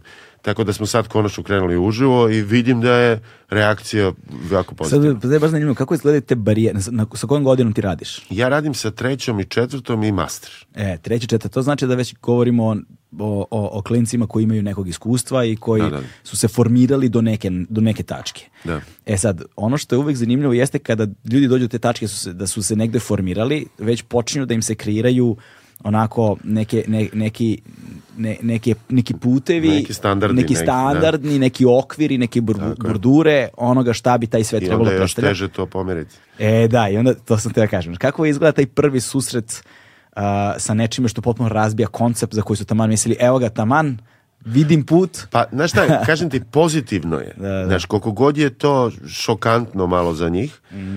jel sad, jel ja namjerno ne insistiram sada da recimo donesem neku kompleksnu jazz kompoziciju kojih ima koliko hoćeš, gde će sad tu harmonski i melodijski da se dešava ne znam šta i ovako onako. Ne, donesem bluz, najobičniji bluz koji ima dva tona u temi. Para, para, para, pa, ba. I to je to. Znači, tema je ne, kao za de, malu decu. Mm. Ali nije bitna sad tema. Bitno je šta ćeš ti da uradiš sad u ovom drugom delu improvizacije. I mnogi se snađu, ali mnogi baš i ne. Ne. I malo su ono kao šta sad, kako to, šta je. I bila je ta situacija ovaj, sa jednom studentkinjom gde, gde jednostavno nije mogla. Ne. I ja rekao, pa dobro, rekao, evo imaš ovih pet tonova, možeš sa tih pet tonova da se igraš. Da, da ali ja ne mogu, ja ne znam, ja ne, jednostavno ne znam. Dobro, ali imaš ova dva tona, evo ova dva tona koje sam sad odpravo, promeni ih samo. Nemoj da bude ovaj prvi, nego ovaj nek bude drugi. I ona onako stane, odsvira akord u levoj ruci i odsvira ova dva tona, ali ra drugim rasporedom. Pap, pap. I raširio se osmeh na licu kao da je da. Znaš, ono, otkrila novi svet. To je, e, jednostavno, oni su tako vaspitani da ne, ne da, da m, postoji tekst koji mora da se odsvira, nego mora da se odsvira taj tekst. I taj tekst jedino tako treba da se odsvira i to je, ako ne odsviraš tako, to je greška. A sad ti neko kaže, e, možeš tako doćiš od. Znaš, jako je uh, teško komprehendovati to u startu, međutim, i, ja stvarno idem ono baby steps sa njima i evo posle dve godine mogu da kažem da i takako ima rezultata i da mislim da im to pomaže što bi rekli an general u, u, u muzičkom, uh, muzičkom obrazovanju. Ne, niko ne očekuje njih da se ono, prebace i da postanu jazz pijanisti, nego je poenta da im daš jedan uvid koji do sada nisu imali i da svu muziku posmatraju sada i iz jednog i iz drugog a onda možda i iz trećeg i petog da, da. ovaj, rakursa.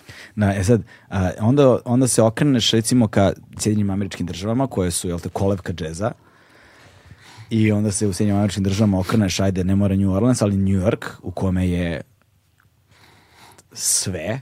da. Znaš, ako želiš nešto u džezu da napraviš, ono, prema standardima bilo kakvim, New York je, ono, mesto, da. mesto gde treba da se bude. Mada, opet, internet je stvarno promenio sve. To sad može da se desi znaš, na mnogim drugim mestima. Pazi, postoji niz razloga zašto to, bez obzira na internet, je jako teško da se desi. Ako živiš negde kao što je ovo naš. A, znaš, to da. je, jednostavno, znaš i sam, pričali smo juče malo da. o, o, o putevima podcasta i, i kako dopreti, dopreti do, do ovaj, gledalca, slušalaca, a ista stvar i sa muzikom, znaš. Prvo je preplavljeno tržište i svaka od tih zemalja na koje mi recimo gađamo, a to je neka zapadna Evropa, ne daj Bože Amerika, mm. ovaj, nešto, ogroman broj ljudi koji se takođe muče i koji pokušavaju da izbace to, taj svoj kontent mm. i da ovaj, a, se plasiraju na, na neki od festivala i, i klubova.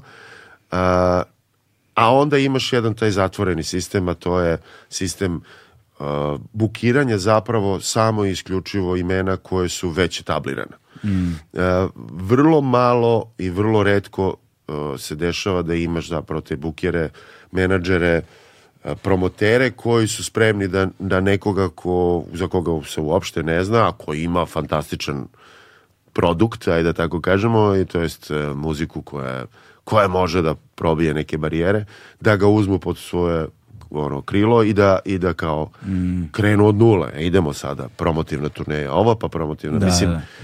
barem je moje iskustvo tako sa, sa ovim uh, područjem u kom živimo.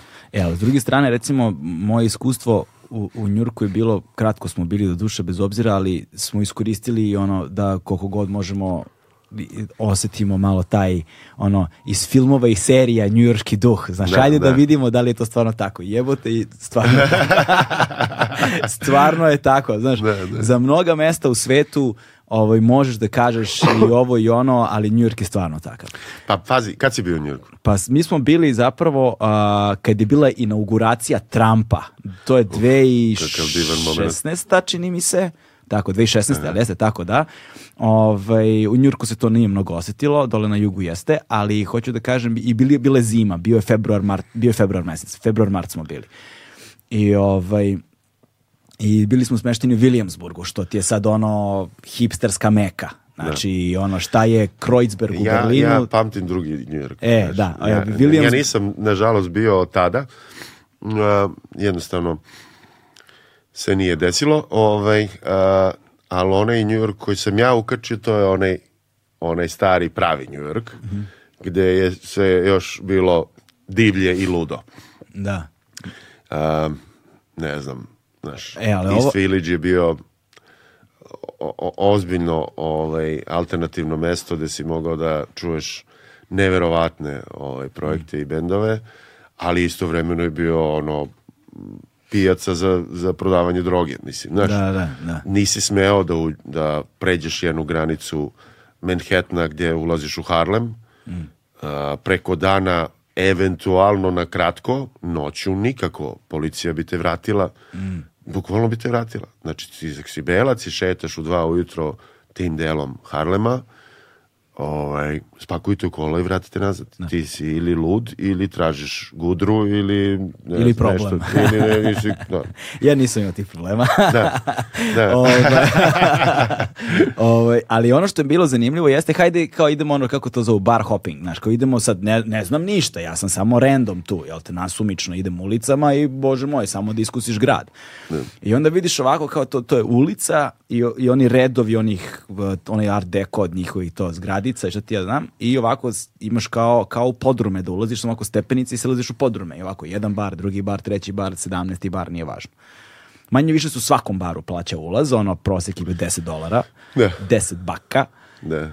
I, ovaj, i uđeš unutra, uh, svi vejpuju, to je sad, to je sad ono da svi vejpuju, svi, svi vejpuju, niko ne puši, Dobro. zabrano pušenje svuda, ali ovaj, i uđeš unutra, 10 baka ulaz i u dnu bara ovaj, band svira. Kad band svira, zabranjena je priča. To je vrlo zanimljivo. Nema, nema razgovora. I, ovaj, I imaš foru da, da, da te konobari upozoravaju ako kao, možete, mo- mi šapućemo za stolom, ali ako se to iole podigne malo, konobar ti odmah priđe Bravo, i, bravo, i, nema. apsolutno I- sam za. I razgovor može kada band pravi Kad bi pauzu. tako bilo u Beogradu, kako bi bilo u Beogradu. I ovaj, u Chicago sam vidio jednu drugu stvar koja je vrlo zanimljiva na osnovu one teme koji se govori za džezere E, i to mi je baš, baš mi se dopalo to. A, I onda odeš u sledeći bar. I onda odeš u sledeći bar. U svakom baru ubice. Svakom baru killeri ne, da ne poveruješ. Znaš, sad ja ne poznajem dovoljno muziku, ali vrlo verovatno da sam naleteo na barem trojicu, četvoricu, ono, svetski poznatih careva. Da. I to je nešto što mislim da je tamo najnormalnija stvar. Ako hoćeš da budeš ono u toku sa A savet- ja ću da ti ispričam moju priču, a moja priča je da sam ja e, imao te srećne okolnosti da vrlo brzo nakon dolaska u New York, pošto sam ja tri godine bio u, e, četiri, pardon, u, u Bostonu, tri godine sam studirao, jednu godinu sam praksa kao. I ovaj, e, mislim, diplomirao sam za tri godine, sam ubrzo ceo proces. U svakom slučaju, a, kao bilo je gdje ćemo, New York, LA, a i New York, još je tada New York bio dru- mnogo drugačiji. Je mislim, bilo mnogo pre 11. drugačiji. Bio je drugačiji u smislu uh, i dalje je bilo nekako mesto gde potencijalno zapravo možeš da napraviš taj, tu odskočnu dasku gde, ćeš onda svirati po celom svetu. I dalje to stoji do nekle, ali dosta se promenilo. Sad su svi krenuli da idu za LA ili tamo bolja nekako atmosfera za, čak i za jazz muzičare. A, u svakom slučaju a, dolazim u New York i krećem od nule. Mislim, poznajem tu mog cimjera Gintasa, koji je bumnjar, poznajem Firčija, Marinu eh, i ekipu Bešketa koji je tamo bio, Eh, ali u suštini nemam baš neke specijalne kontakte i poznajem gomilu muzičara koji su na istom nivou kao ja u kontekstu borbe preživljavanja, znaš. Gde mi moj prijatelj i, i e, Cimer Gintes kaže, znaš šta, moramo da idemo na te jam sessione. Jam session je ono kad se menja ekipa spontano na, na, u nekom klubu i svi sviraju sa svima, jel? I ovaj, ja rekao, ok, kao, to je kao it's a must, što bi rekli, kao da bi nešto se desilo. I ulazim u prvi klub, plaćam 10 dolara ufor, plaćam 10 dolara pivo i vidim jedno 20 ljudi koje znam sa Berkeleya koji isto tako to pivo drže i čekaju svojih 5 sekundi da se popnu na neku binu, na nekom jam sessionu da je teško da može nešto se desi, znaš, osim ako baš ta neka faca uleti u baš u tom momentu i desi se onaj American Dream uh, priča da je ono, čoveče, traži sam te celog života, ajmo sada mi na turneju po svetu. Što je jako teško se desi, a verovatno ne. I shvatim da to teško da će tako da, da, da, da ono, prođe. Međutim, spretom okolnosti da ne gnjavim mnogo, uh, upoznam David Binija s kojim smo 20 i kusur godina kasnije napravili ovde na Bergsson Jazz festivalu i album zajednički koji je na kraju fenomenalno prošao, dobio prestižnom downbeatu četiri po zvezdice. I ja sam upravo tu konekciju uspeo da realizujem nakon svih tih godina. Sretnem se sa njim, on e, je svirao na nekom snimanju za moje, mojih kompozicija i on kaže mi dopadne mu se to što ja radim. I pozove me da sviram u njegovom bendu koji svira svaku drugu četvrtka u Easy Baru koji je u East Village-u koji je jedan kultni klubić gde je, ne znam, Jojo Mayer sa svojim Nerve bandom zapo, započeo, znači to su ono, to je krem de la krem mladih muzičara tadašnjih, 96. 7. Uh, ja se pojavljujem na gigu i vidim da u bendu su ne, nema dalje, ne znam, između ostalog Donny McCaslin koji je svirao na David Bowievom zadnjem albumu saksofonista, njegov bend je zapravo svirao na Black Star albumu i taj isti David Bini je producirao taj isti bend uh, koji je prepoznat od strane David Bowie-a pa je snimljen Black Star. Elem, znači, to je to. Nema dalje jel, i ja tu ulećem odmah i kao, wow, kao, to je to, čoveče, razumiješ? Posle, ne znam, pet meseci života u, u Njujorku, što je nevjerovatno, ti možda čekaš po deset godina da ti se desi tako nešto. I da se ne desi. I da se ne desi ni posle deset, da. I ocvira se ta svirka, bude to super, sve okej. Okay. David dolazi, sad treba da nam da kintu, ja naravno nisam ni pitao koja kinta, uopšte to je ne, ne, nevažno je, bitno je da sviram, i vadi 20 dolara i daje 20 dolara svakom od nas.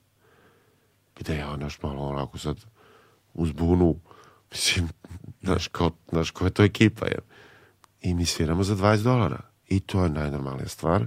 Svako od tih muzičara stavi tih 20 dolara u, u pđe i idemo dalje. Da.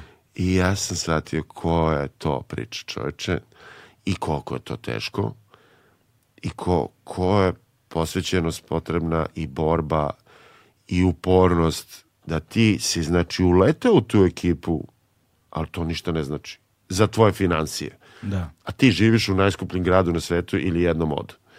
Jel? I treba da platiš tu gajbu i treba da platiš taj prevoz i tu klopu i tih 10 dolara za taj session itd. itd. Jel? Tako da, da i to i plus druge neke stvari su me na kraju potpuno razuverile da želim tamo da živim i da se bavim tamo muzikom. Sa tradicijom dugom skoro tri decenije, Legend Worldwide je prepoznatljiv domaći brend sa akcentom na jeans, pre svega, koji odlikuju bezvremenski, klasični modeli.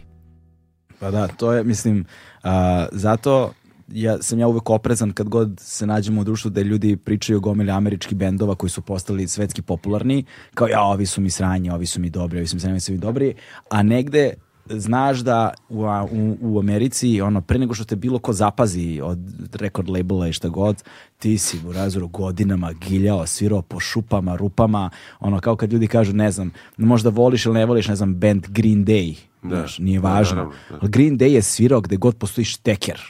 Znači, ti imaš, i to godinama, ti imaš ono, e, to, to, i to se video tu u Njurku, ti možeš da svir, ti sviraš, ne znam, 5 gigova za večer. Če ti samo nosiš instrumente, ideš sa tačke A, tačku B, tačku C, može, tačku D ne može i svaki dan. Pa ja, ja to često kažem mojim mojim kolegama, znaš, da. koji ono postave pitanje s vremena na vreme, je, evo te kad ćemo ono da idemo tamo, znaš, ne znam, mi imamo izdavača iz Amerike. Da. Moon June Records je indie, ali veoma respektabilan uh, izdavač.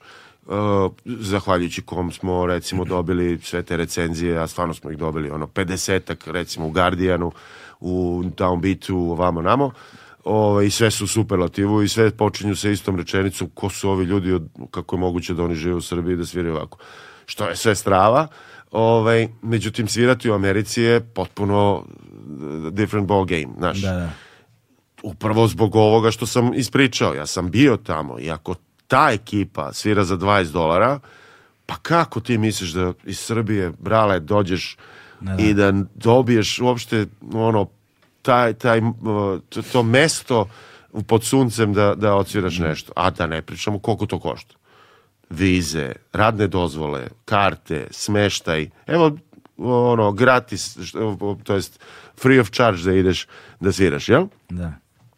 Tako da a, a, jednostavno nije, nije moguće i onda im, im pokušam da im dam do znanja da ovo gde se mi nalazimo što se tiče mog rada i mog benda je zapravo odlična pozicija. Jer mi a, zaista sviramo sada samo ono što želimo, samo tamo gde želimo i samo za honorar koji mi želimo i koji smo uspeli da se, za koji smo uspeli da se izborimo, Da. zahvaljujući upravo takvom radu poslednjih 25 godina. Ne. I to je to što se vraćamo na Nataša Da, da, da. i supruga i, i cela ta naša priča zajednička koja je ka, znaš, m- možda ni mi nismo bili svesni toga kad smo krenuli, ali a, nismo znali drugačije. Da. A to je taj preduslov da ništa čoveče neće da ti sleti na taj tanjer, e, niti, niti Nema ćeš šanse. da dobiješ bilo šta. Ali čime god da se I to, baviš. I to, znaš, kao e, ta priča kao, pa dobro, ali ja sam iz familije muzičara, znaš, Hadžimanov, kad prepoznaju, Da, da. nema.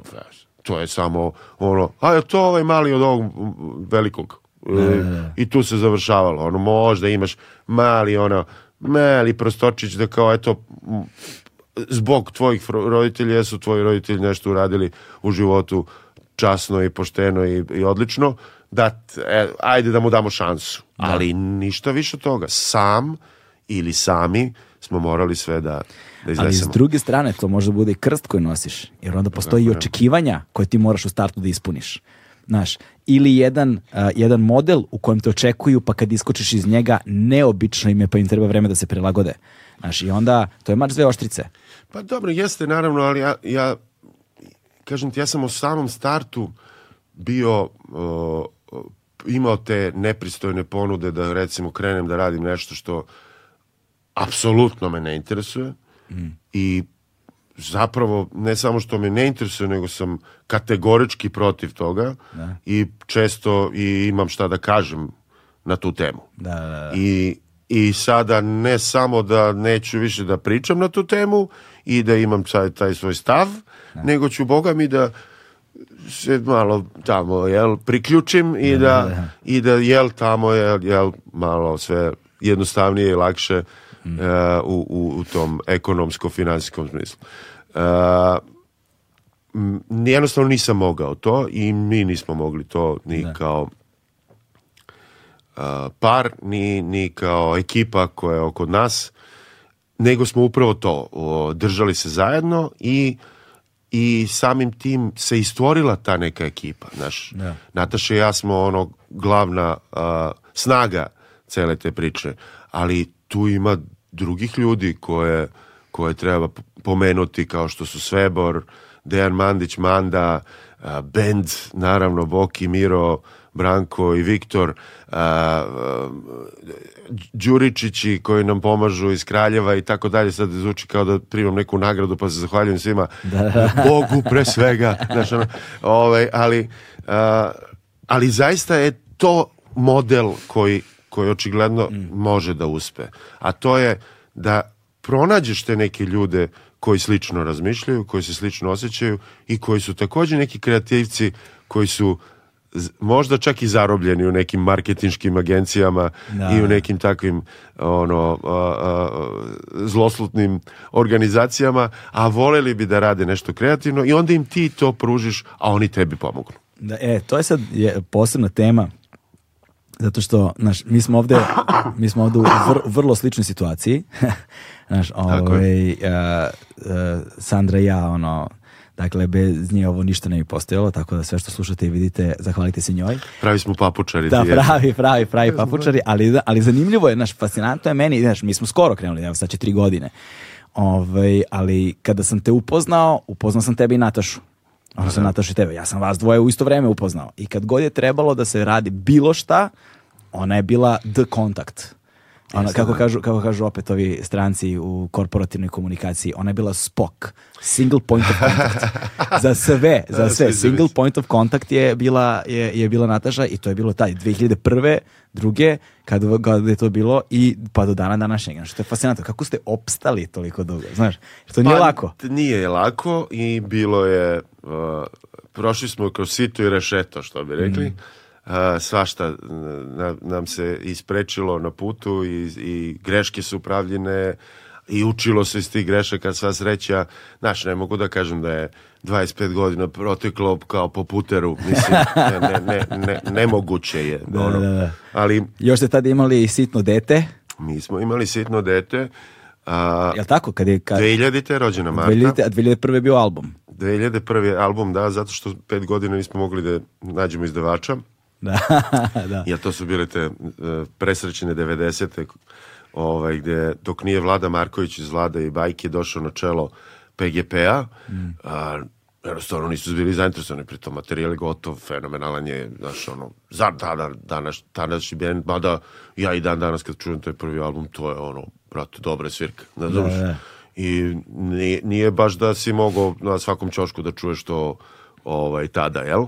Mada je tad i bilo nekih još bendova i, i projekata. U svakom slučaju, 2001. izlazi taj prvi album i, uh, a Nataša je zapravo studirala i bavila se filmskom šminkom. I 97. kad sam se ja vratio i kad smo se mi smuvali, Da. ovaj, uh, trebala nam je pomoć. Mi smo prvi ozbiljan koncert radili na Kolarcu uh, za Jugoslovensko dramsko pozorište koje je tada izgorelo.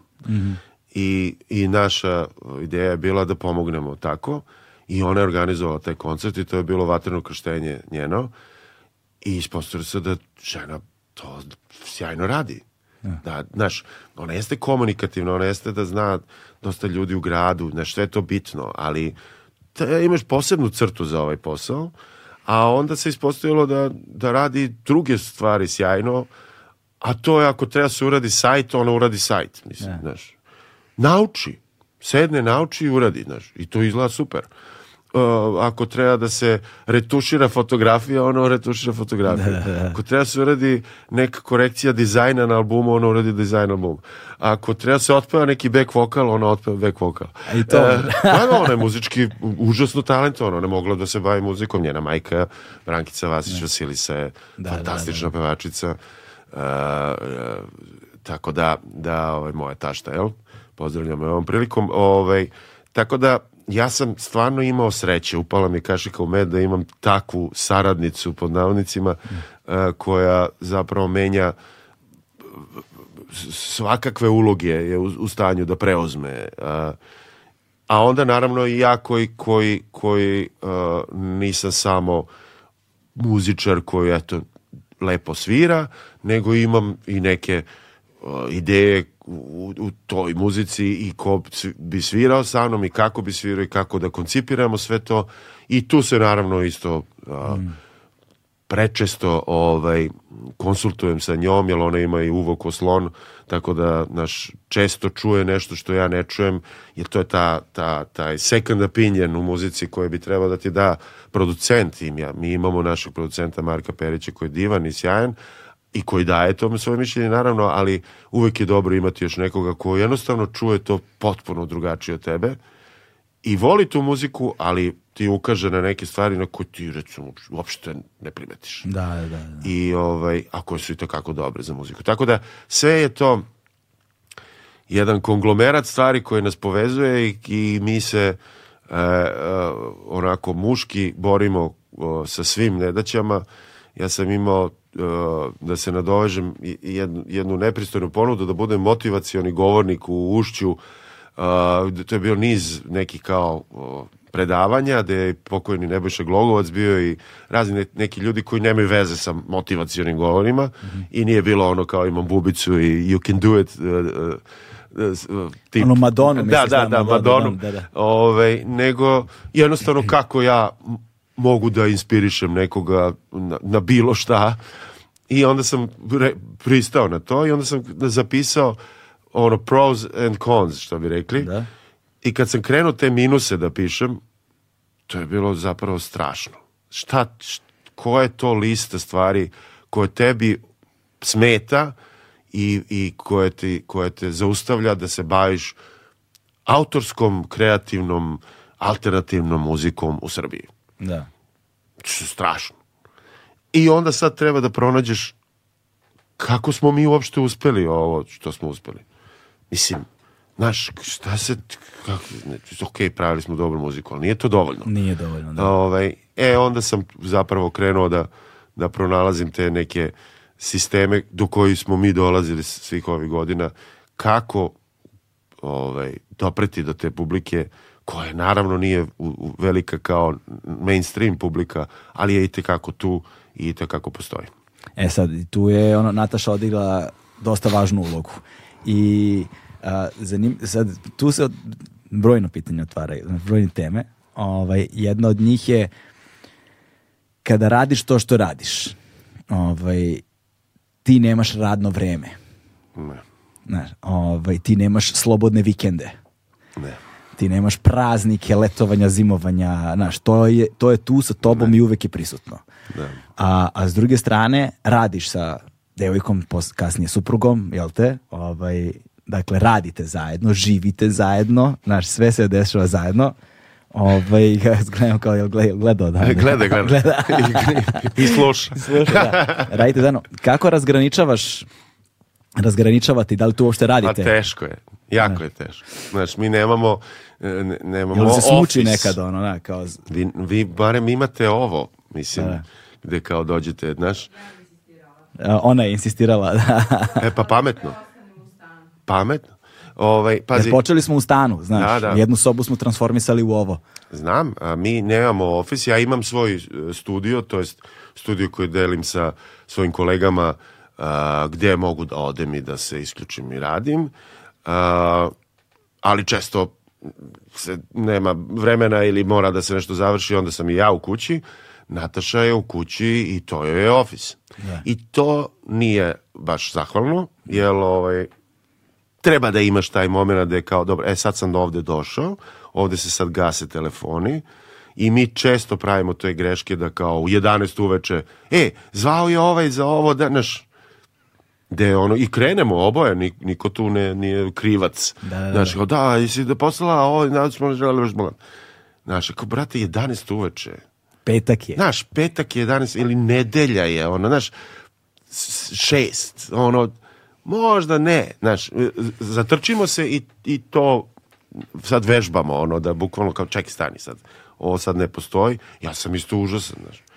Ono, pola noći ja se dešava da kao sad ovo mora da se završi, mora da se pošalje ovo, mora da se odgovori na ovaj mail, mora da se, znaš, E, tako da to je jedno prokletstvo koje, koje moraš da iskontrolišeš i, i svesno da, da kanališeš, a opet s druge strane imaš jednu beneficiju da ukoliko stvarno nemaš nešto specijalno da radiš taj utorak, da kažeš, danas neću ništa da radim. Da, da, da. A to baš i ne može svako da uradi. Da, ne može baš Jel? tako, da, da, da. I, ili da kažeš, ok, danas ću da radim od 5 do 9, a sutra od 11 do ujutro do ne znam. Razumeš? Da. Znači nema ni tog opterećenja. Brale, kasnim na posao, moram svaki dan da dođem u isto vreme i u isto vreme odlazim.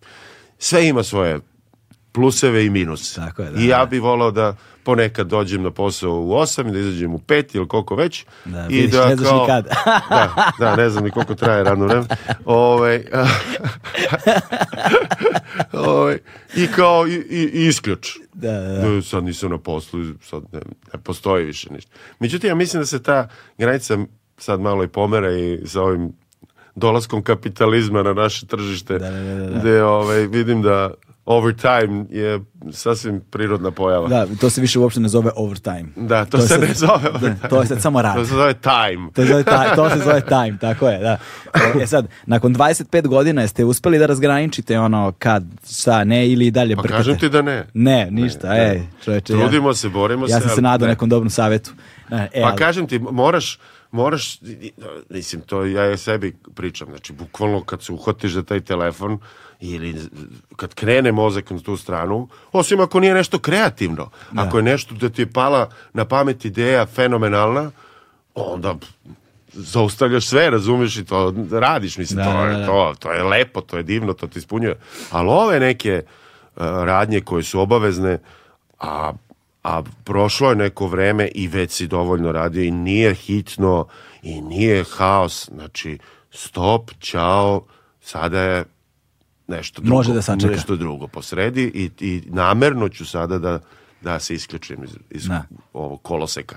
Može da sačeka. Tako e sada, u tom porodičnom odnosu, ne bih da za- zalazim previše u porodične odnose, ali me zanima ono, koliko se talenat, jel te, porodični preneo na sledeće koleno? Uf, pa mogu ti reći da to nije bilo sporno već sa, sa, sa tri godine kad, kad, kad je Marta, kad sam se ja iz igre o, iz igra prešlo u razonodu, što bi rekli, krenuo sam da sviram kao ritam e, neki da ona ponovi.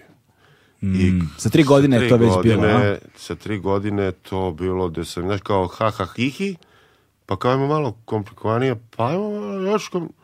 I kao, vidiš, ono, eho se vraća, ono, od, od uličnog stvorenca. I onda glas posle kad se desio i sluh i Marta, što se talenta tiče, a i što se mnogih drugih stvari tiče, je zaista ovaj, Vi ste imali neki zajednički Po- snimak da ste je svirali ovaj nešto kad odozgo. je ona bila mala, čini mi se. Imali smo ono sa čašama, to Da. svi, svi ovaj, Da, da, da. Pa to se pojavio neki video da je neka devojka, kao autorka, napravila štos i napravila taj, taj kao ritmički pattern Mm. da, da okreće lupa čašu plastičnu Mhm, i peva. I, ovaj, I meni se dopalo, ja skinem to i pokažem Marti i Marta skine istog sekunda, a Nataša je nešto izašla u prodavnicu, na primjer, i vraća se i Miku i kao mu ga dajemo sa čašama, Da. znaš, ono, virtuozno neke fazone. Kad ste naučili ovo? Pa kao, rekao, sada je ovih 15 minuta dok te nije bilo. Ove, I onda smo snimili te videe, to se svima dopada, da ona zapravo peva i, i okreće te čaše, to jest lupka taj ritam zajedno sa mnom. A, ali i ono, krenula je u muzičku školu, re, normalno kao sve ok, niža muzička, srednja muzička nakon toga i onda se desio taj prvi ludi moment, iako je ona pevala sa tri godine, imam i tu priču na albumu našem, to je presmešno, moram to da ispričam na brzaka, ovaj, Ne žurimo nigde, samo da, pričaj, da, brate. ove, tri, tri, uh, pa ne znam, ne, imam osjećaj da, da kao imamo neki limit. Nemamo limit, Dobro, ovaj, samo pričaj. Znači, treći, ne, drugi album, izvini, VH benda je i kao krenulo je nešto kao, ajde kao da da Natašina majka otpeva, ne znam, to ovu temu, kao bilo bi super. Pa daj kao Senka i Bisera da otpevaju, ne znam, ovo. Pa kao ajde i Zafir da otpeva. I odjedan put vidiš kao cela familija se izređala i Nataša i kuma Hana Vučićević. Boki je kum moj, inače Mm. Ivković. Znači, bukvalno ono, family gathering. Ovaj, Čekaj sekund, Hana beše pevala Hana je pevala... Speed Limit, Tako je. Speed Limit, gde je ona ready čoveče? for? Da, are you ready for it? To je ceo taj talas nekih bendova koji se pojavio početkom Jeste, 2000-ih. Bilo. Strava, Intruder, Speed Limit. Jeste. Kako je neverovatno da je samo bio oko jedan iskra nečega koja je samo se ugasila, Da, vrlo nažalost. brzo trajala nekoliko godina, ali Nažalost. baš mogla da bude velika. Jeste, Hana je... Šta ona radi sad? Pa Hana je uh, predaje muziku Aha, zapravo u... Nema nikakav band, ništa. A, ko, nažalost ništa, s vremena na vreme se desi neka svirka, Mm. pa onda se skupimo svi. A, u svakom slučaju, Nastavi, izvini. kao čovječe, svi su se izređali, pa mora i Marta. A Marta u tom momentu ima tri godine, razumiješ? I kao šta ćemo, kako ćemo, ajde da smislimo neki, ima neka stvar da je ona nešto nju nji meja, nju nji meja, treba to da peva kao. Nešto kao de, deć, dečiji glasić koji nešto peva. I ona ja vežbamo to kad, kako, ritmički, brzo sve to ona skapira, nikakav problem. Ok, odlazimo u studio, slušalice, ono, prcvoljak mali, razumeš, ispred mikrofona. Hoćemo, Marta, hoćemo, uh, njunji meja, ono što smo vežbali, hoće, a- ajde sad, hoćeš da pevaš? Neću. Znaš, ko ona žaba. je, Da, da, da. Hello my baby, da, hello my honey, da. Ja rekao, ajde, nemoj da, da zafrkavaš, rekao, ajmo sad vežbali, nj, nj, nj, znaš, nešto krenem. Neću. I neću, i neću, i neću. Ja kao, čovječe, što ću da radim sad, znaš, ono, ceo fora je u tome, sve smo sad organizovali, znaš, kao, da ima neku pomponu, neku žvaku, nešto da je podmetim, razumiješ? Da. Kao, nemam, i uvatam se za novčanik. I rekao, hoću ti dam lovu, hoću pevaš ako ti dam lovu. I ona kaže, hoću. I ja je dajem kintu i ona otpeva iz prve. Njo njime ja, njo njime jo. Super stvar, završi. Dete, tri godine. I jedino uzela kintu od cele familije. Da. Ove, Preveslava tako da, sve. Da, tu je počelo sve to, ali u svakom slučaju e, e, e, prekretnica je bila zapravo pevala ona i na Biserinu koncertu kao gošće i na Brankicinom i sa nama je bila ona, ona za Ujedinjene nacije jedna pesma da je Vukašin i ona pevaju. Znači sve se to videlo koliko je sati odavno da je to prepuno talenta i potencijala ali onda ve- velika prekretnica se desila zapravo kad je imala 17 godina kad je otišla na audiciju za Fantome iz opere koji je prvi put do, smo dobili licencu to jest pozorišne terazijama da postoji taj užasno zahtevan musical to je zaista jedan od najtežih muzikala je praktično opereta. To jest 90% teksta se peva. I to je uvek teže nego obratno, jel? A, o, ona ode na audiciju iz prostog razloga što je Nataša videla da, da, ovaj, da oni prave audiciju za, za, za te uloge i zato što je nju u jednom momentu interesovao musical i kaj da vidi kako to izgleda, ali veruj mi, bukvalno smo tako počeli.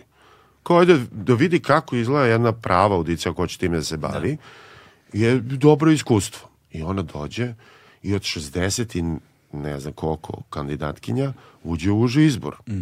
I mi kao, wow, čovječe, fenomenalno, znaš.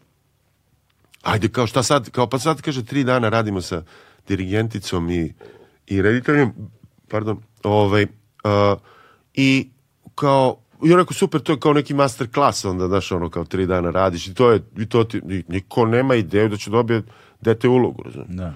I ona dobije ulogu. Glavnu ulogu Fantom iz opere 17 godina prvi put.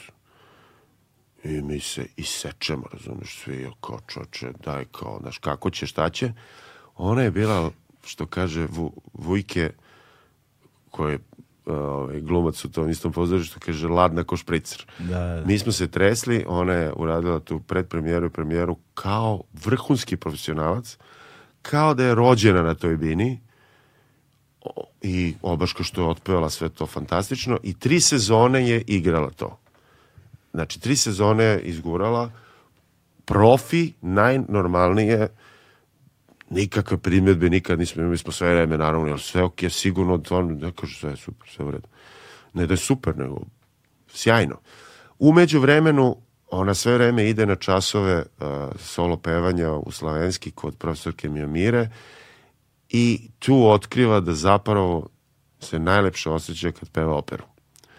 I u jednom momentu nas postrojava Natašu i mene i kaže, slušajte mi, imam nešto da vam ozbiljno kažem, mene najviše ispunjava i čini me srećnim da pevam opersku muziku, ja želim to da studiram.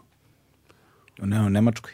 Mi, da, ona je u Nemačkoj i sada je treća godina zajedno sa svojim dečkom Ljubomirom Milanovićem koji je izuzetno talentovan pevač s kojim su zajedno otišli od iste profesorke Mijomire u istu klasu Snežane Stamenković, naše žene koje tamo predaje već ne znam, 25 godina, na primjer, uh, koja je šef oceka među vremenu u Mannheimskoj akademiji i koja je jedan fantastičan profesor i, i zaista uh, tutor pa, par excellence.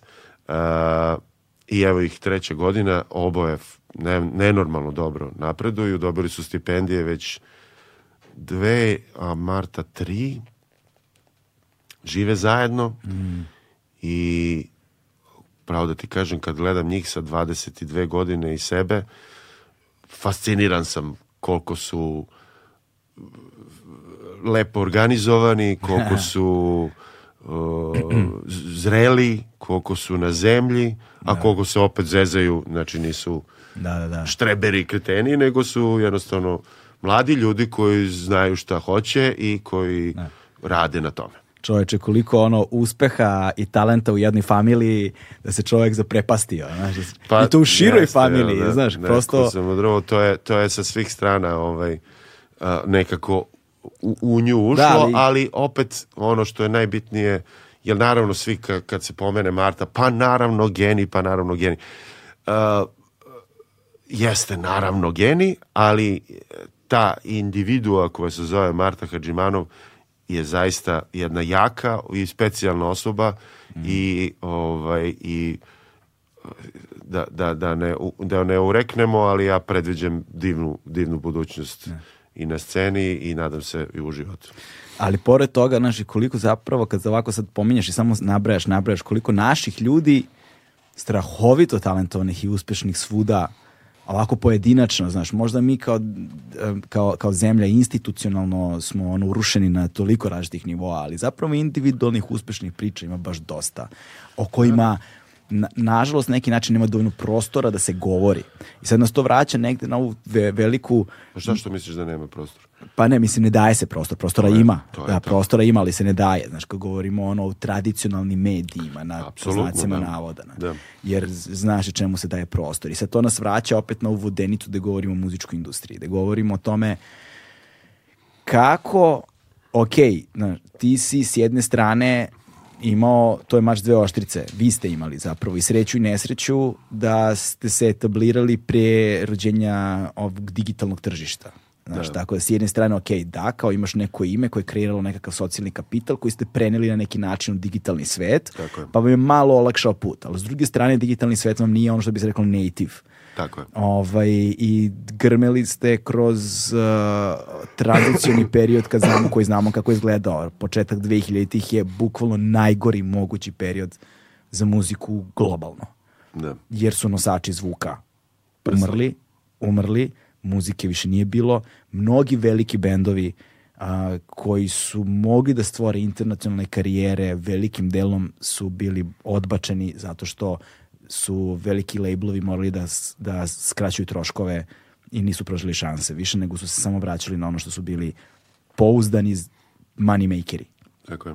A Iceburn je jedan od tih žrtava tranzicije, primjera radi. Da. Ko je beše bio Roadrunner Records ili koji kojih je samo rekao moramo da skratimo troškove ovih 2800 bendova koje smo planirali sledeće godine, ćao, znaš, sad lupam cifru, znaš, Da, naravno, da, da, samo simbolično govorim. I samo ti se više nikad ne pruži prilika, jer ako nisi sa tržišta koje je veliko, ako nisi iz govornog područja koje je prevashodno englesko, ako si iz neke, ono, kako za nas kažu, third world country, ono, ćao. Da. I, ovaj, I onda sad ti treba da prevedeš to što ti radiš, a pričali smo sad i o džezu i o svemu onoliko, u, me, u, u, u, u, tržište na kojem treba ono i promovisati se i pobediti algoritam i zaraditi pare, a pritom i učestvovati u jednom a, kulturnom prostoru u kojem mi se čini da nekako generacije koje dolaze sve manje znaju. Sad, interesovanje je nešto drugo. Zainteresovat će se oni kad im ti daš, ali oni tebe, tebi daju šansu da ih zainteresuješ. Ovaj, kako se tu snalazite ono, i plivate? Kako, kako izgleda taj ono rogo rog sa... Pa, lep, lep uvod si napravio. Da. Mi imamo tu sreću da smo 90-ih započeli sve ovo.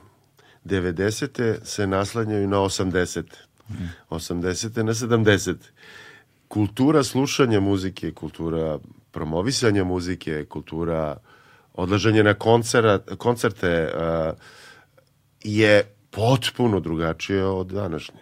I mi smo tu neku odskočnu dasku imali tada, mislim, što isto zvuči fenomenalno. 90-ih smo imali odskočnu, znači ono, najgore moguće godine za ovaj ceo region, ali i tokom 90-ih Beograd je bio prepun klubova u kojem se svirala živa svirka dobra i između ostalog džez. I ti naši nastupi, sećam se, koji su započeli na platovu, uh, sredom uveče, su bili prepuni. To je bila sreda veče, 90. Plato koji je tad, nije bio ovaj plato fancy i picnut, nego ni na šta nije ličio. Sećam se. I ovaj, ali je bilo, nije moglo se uđe. Tako da, potpuno su druga pravila danas i ja zaista najviše se plašim tog pitanja od mojih studenta, e, a šta mi sada radimo kada ovo, evo imamo ovu muziku i kao super je muzika i evo sad sam naučio da sviram i šta sad? Ja, ja ne znam šta da kažem. Ja stvarno ne znam. Naravno, otvori Facebook nalog i Instagram i ne znam šta, TikTok. i TikTok i YouTube channel i okači i šeru i Znaš, šta sad, znaš, ili plati onu reklamicu, mislim, znaš, uh, vrlo lako može da se uđe u, u totalni defetizam i da kažeš čemu sve ovo i da zaboraviš to mnogi i čine. Ili pak da se kažeš, dobro, šta tražimo ovde, ajde da probam tamo negde to. Što opet isto. mnogi čine. Što, šta? Što opet mnogi čine, rekao. Što bi mnogi čine, ali što isto ne znači ništa. Mislim u smislu, a pa da, naravno, ako odeš u Barcelonu, sve će biti okej. Ili u Beč, ili u New York, ili... Ne, brale, znači ima ih mnogo. Ima ih mnogo i svi su otišli sa istom idejom i svi se bore pod mesto pod, suncem i sve ih je više i više, a sve je manje i manje mesta gde to može da se i na koji način može da se promoviše. Znaš. Da. Tako da, a, s- kad tako posmatraš stvari, stvarno je grozno, ali opet s druge strane, nikad nije bre bilo ni lako. Da. I nik, znaš, svaki period ljudske istorije ima neke užase koje vuče za sobom i neke teškoće i neke probleme i neke barijere koje su morao da nekako zaobiđeš, preskočiš ili probiješ da bi uspeo nešto da uradiš u životu. I ono što je zapravo stav koji treba svako da ima je jel mene čini srećnim ovaj proces ili ne. Ako ti u procesu ne pronalaziš ništa lepo i ništa zadovoljavajuće i ništa što te ispunjuje, onda možda stvarno ne treba ni da radiš to. Ali ako je meni lepo da se ja nađem sa svojim vrtacima u studiju i dan danas i da džemujem, bez ikakvog plana Ne. kak, kakav će to single da bude, gde ćemo da plasiramo to, šta to znači za našu karijeru, koliko smo mi dobri u celoj toj priči, koja je lova u igri, itd., itd., onda ja, stvarno nije ni bitno. Znači, bitno je da je meni lepo u tom procesu i da naravno mogu da nekako platim te račune. Da, da, da, da, da. Ali, znaš, taj New York je, ako ništa drugo, ako to mesto gde treba svi da idemo i da probamo, u New Yorku je najnormalnija, ne najnormalnija, nego najneophodnija stvar da ti radiš kao konobar dok pokušaš da dobiješ neku svirku. Ili ne samo kao konobar, nego kao bilo šta. Zašto je to ovde sramota? Zašto ovde kao, brate, reću, poslužujem pivo i kafu? Zašto? Bolje da sviraš sa nekom zvezdom neki trash i neku grozotu i da promovišeš upravo ono što tebi smeta da ti možda dođeš na, na mesto. Ili ja e, shvatam ono što smo mi i juče Da, pričali, da treba postoji jedan zdravi mainstream i pop i ono što, što definiše nešto što je komercijala i nešto što, što je ono ono što ljudi vole da slušaju. Ali ovo je daleko od toga. I ovde ti ako kreneš da promovišeš e, pop i, i mainstream, ti si zapravo pucao sebi u kolena na neki način. Ja, to je moj stav. Da. Je, jel MC, MC se priklonio nekom taboru, što je moj opet stav, koji, koji promoviše neku, ku- neku estetiku i neku kulturu koja je po mom stavu pogrešna. Da. Em, ovaj, nemaš vremena da se baviš ni sa čim drugim. Jer muzika nije stvar koju možeš šest sati da radiš, pa onda da uzmeš da radiš drugu muziku još šest sati. Tebi čoveče pukne glava od zvuka. Da tebi se zasiti organizam od, od frekvencija.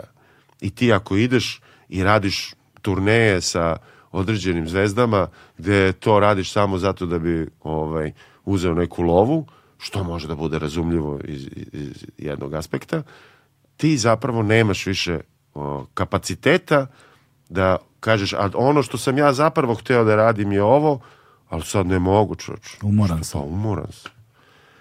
A onda malo po malo krene i "E, dobro lovač, čoč, šta- sam uradio, pritisao sam dva puta ovo, znaš, e, e, ode, Da, to je, ima, ima istine u tome zapravo bilo kojim poslom da se baviš. apsolutno. A, moraš da oslobodiš vreme, jer je vreme ograničeno, to je ono naj, najdragoceniji resurs. moraš da oslobodiš vreme, ako ništa, barem da ostiš tu neku vrstu kreativne dokolice. Dakle, moraš da imaš vreme kad ne radiš ništa i Kako vreme je kada Cleese, ti... Cleese, šta je rekao Da. Cleese? Time, space, time, John Cleese? Da, da, ima Aha. koje su pet, četiri ili pet uh, uh, osnova za kreativni rad. Space, time, uh, time, na primjer, još jednom i humor. Da, Nešto da, tako. da, da. E, smislu, ja- ja bi moraš do- da odvojiš vreme i moraš da imaš svoj prostor gde nećeš da odvojiš vreme da bi se bavio kreativnim. Ja bih dodao dokolica. Tako Tako je. kreativna dokolica. Brate, mora ti bude dosadno. I to recimo, uh, na, naša čerkica je sad u uzrastu u kome je Marta bila kada si je potplaćivao da peva. Znaš, I ti sad imaš... I ti, Eto, dao sam ti jedan dobar da, da, da, i ti sad imaš, ti sad imaš jednu vrlo uh, uh, zanimljivu situaciju u kojoj um, vidiš kako se matrice iz najranijeg djetinjstva preslikavaju kasnije u životu. Prosto vidiš, znaš, odjednom ti sad to dete ogledalo tebe i sveta i svega, jel ti, roditeljstva i tvojih roditelja i vašeg odnosa, svega, svega bukvalno. I onda shvatiš da postoji, da, da detetu mora da bude dosadno, mora, znači dete kad krene a, šta god da traži pažnju jer, je- jer je dosadno, mora da joj bude dosadno zato što će u dosadi iz dosade početi da Smisli nešto. smišlja nešto da prekine tu dosadu i radi na svojoj kreativnosti. E, znaš, a ono podvaljivanje telefona, čim je detetu dosadno, nema stimulansa, evo ti telefon, gledaj ovo, evo ti crtani, gledaj crtani, umanjuje taj, taj, taj prostor Apsolutno. za, za tu, do, da, da, da, To ne važi samo za dete. To Pa, važi pa za to da kažem, znači, onda ti sad vidiš na primjeru deteta kada mi sebi dajemo prostora danas. I to jeste žrtva.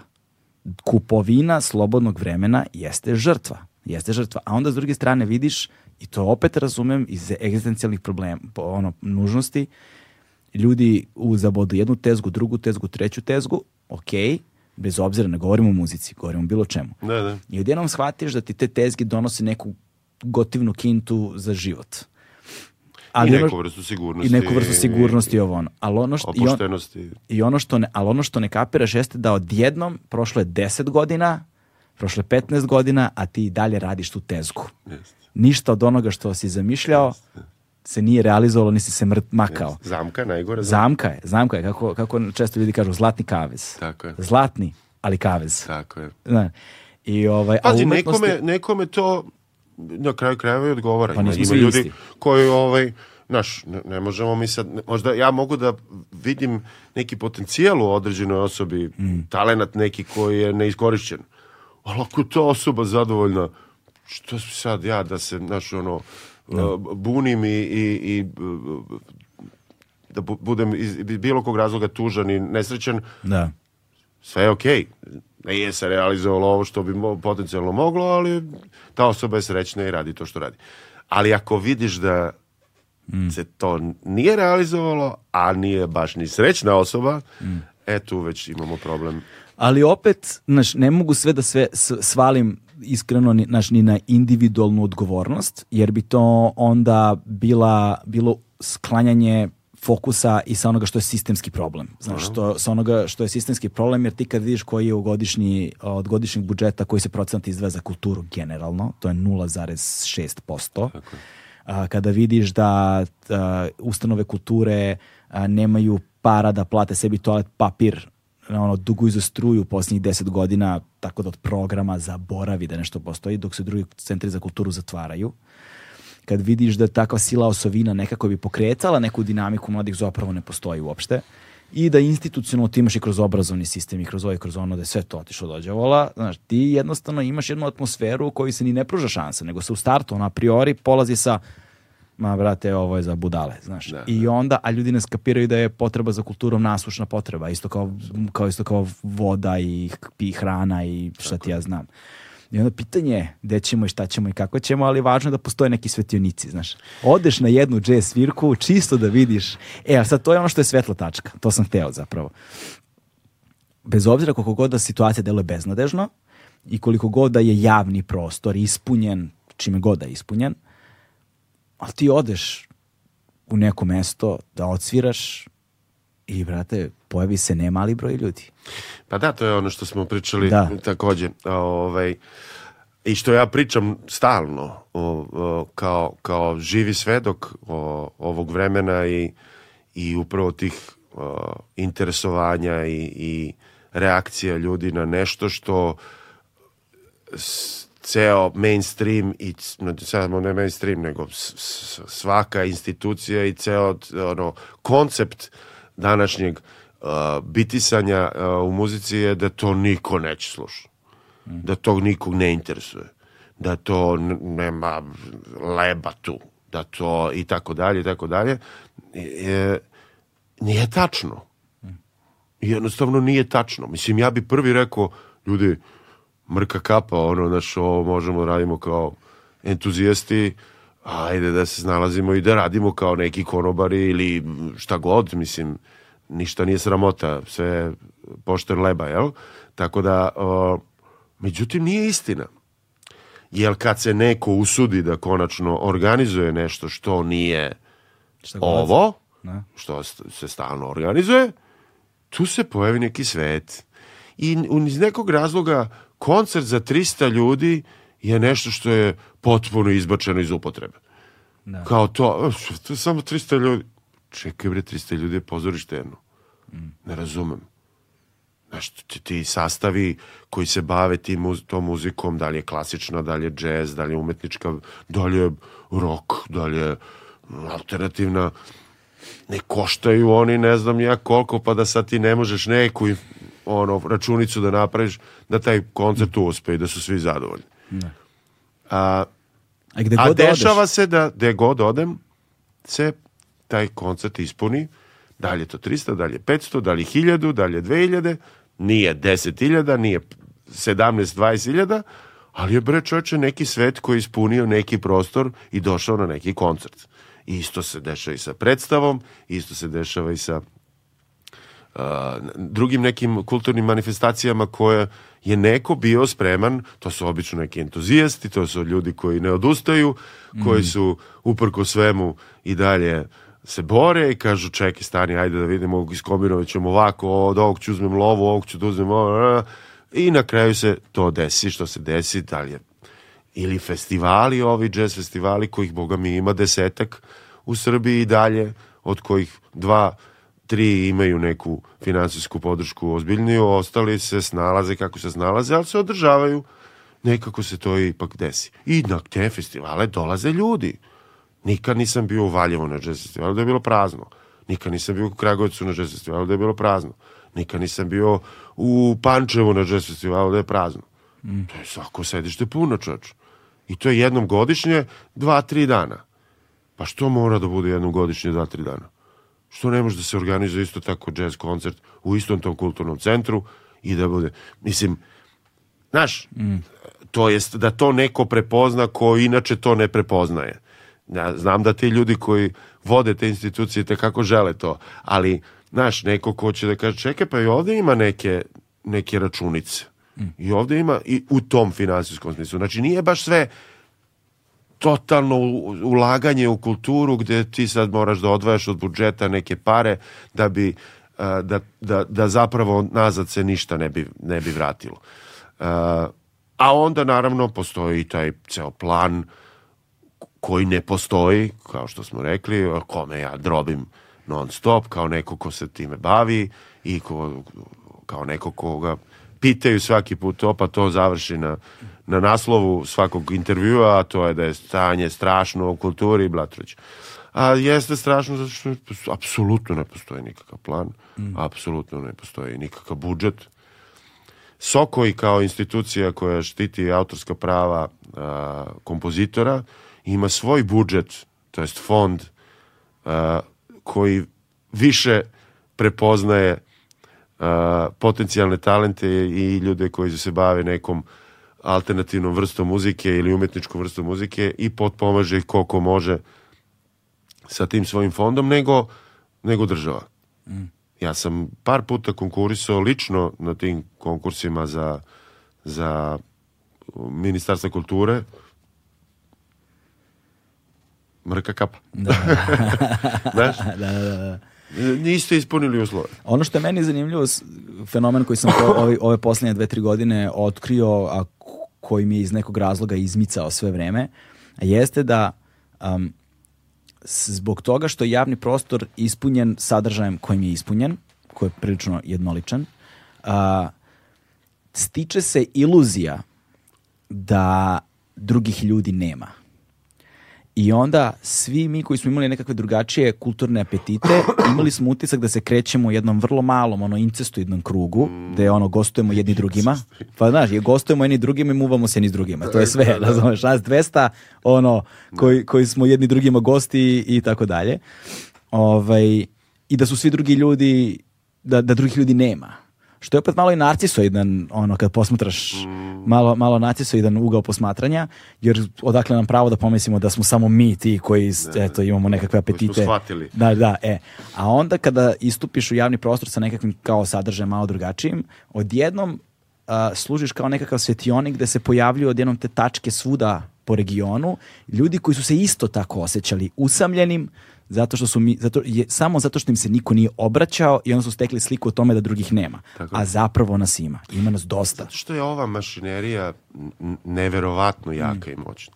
Da, mnogo. razumljivo da je jaka i moćna, jer se ogromne pare vrte oko toga i gdje god ima love, tu ima i moći. Ovaj, a, Možda nismo mainstream veliki, nećemo nikad ni biti, da, da. ali sasvim dovoljno. Da, a, i, i zapravo im smeta svako ko ima bilo kakvu drugu opciju. Da. Čak i ako tu nema love, ali e, može se, Da. aj malo, znaš, malo se skloni, jer ja prolazim ovuda. Znaš, taj je, taj je ono a, sistem a, a, i odnos prema svemu što je, jer ja stalno kažem, mislim sad, postoje te TV stanice gde, gde ima toliko prostora da se napravi jedna emisija Da, da. nedeljno koja će se baviti muzikom koja nije ta. Da. Mislim, ljudi, Dobro, sad najde ima nema matematika za to, pa ih ne zanima, znaš. pa znam, ali I- to je, autorski kao pečat. priča sa korporacijama velikim, koje znaš, nikad nije dosta. Mhm. Nikad nije dosta.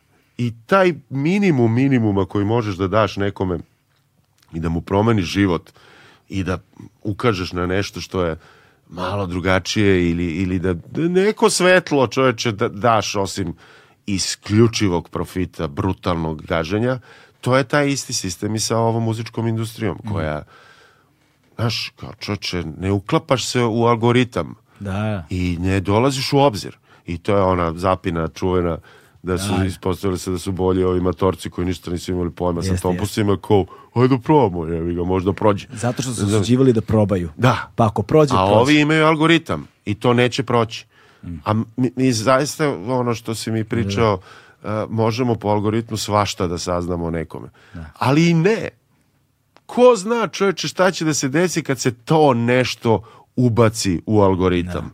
I ta neka nova jednačina koja možda, wow, šta je ovo? Jer ne možemo kao robote posmatrati ljude sve vreme. Opet se vraćamo na to, ko zna kog klinca ili klinku ćeš na koji način dodirnuti, jer to se opet, onda opet vraća na ovu studentkinju što je probala ove dva tona Tako na obrnut način. Ona i kao, nikad nije znala da je to, da, da je to moguće. A onda je to uradila ja ne znam sad, mi smo godinu dana se družili, ne znam šta će biti sa njom, Da, da. će biti. Ali nema veze, eto taj moment spoznaje Mm. je ono zlata vredan, da si ti uspeo to da preneseš. I tu se vraćam na ovu anegdotu koju sam hteo da ispričam uh, kad ti njima, naš ovde se rade stvari ovako, a ovde im daš samo temu, na primjer. Znaš. I to je vrlo zanimljivo što ta tema može da bude svašta nešto. I, i jednom prilikom sam bio na večeri slam poezije u, u Čikagu, u lokalu koji se zove Green Mill, koji je bio u vlasništvu Al Caponea. Ovaj, i i ostao je potpuno takav ist- istovetan, znači ne razlikuje se, isto je, znaš, uđeš u taj prostor, Ta estetika. da, taj vrat, ne taj estetika, nego to je taj lokal, to je, to, da, taj da, lokal da, iz tog perioda. nije estetika, Da, da. to je jednostavno O, tako. to je jednostavno tako. I onda se vratiš ono kroz vreme i zanimljivo je na kom nivou se njima tamo, pošto je i stand-up improv nastao u Čikagu i oni imaju strahovito razvijenu kulturu toga.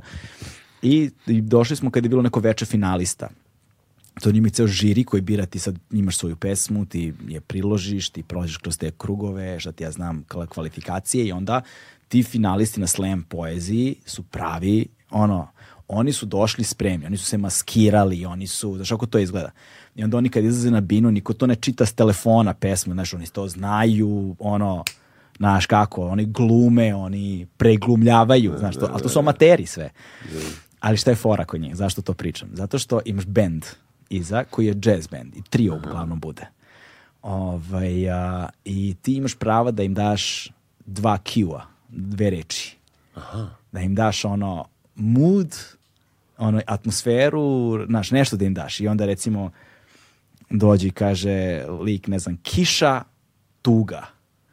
I onda oni sviraju na to. Kišu i tugu. Da. Kišu i tugu, To znaš, sviraju To- kišu To su džez muzičari. E, da, i kišu i tugu i onda oni improvizuju iza i sad ti ne znaš šta je fascinantnije. Da li ovi, kako su se spremili ta, ta slam poezija ili ovi band koji celo veče im izlazi i daju im cue, ovi imaju, znaš, imaš ne znam nešto do pet minuta da si na bini, ne više od toga. I sa, a band koji sve vreme šuri, Fenomenalno. šuri sa minimum ono... Da, ovaj, kažem ti, inputa. postoje, postoje ti avangardni džez muzičari su imali neke a, a, skice, a, ra- ra- računice, neke grafičke prikaze i, i kao, šta sviramo večeras? Evo ovo, znaš, i dati to i sad.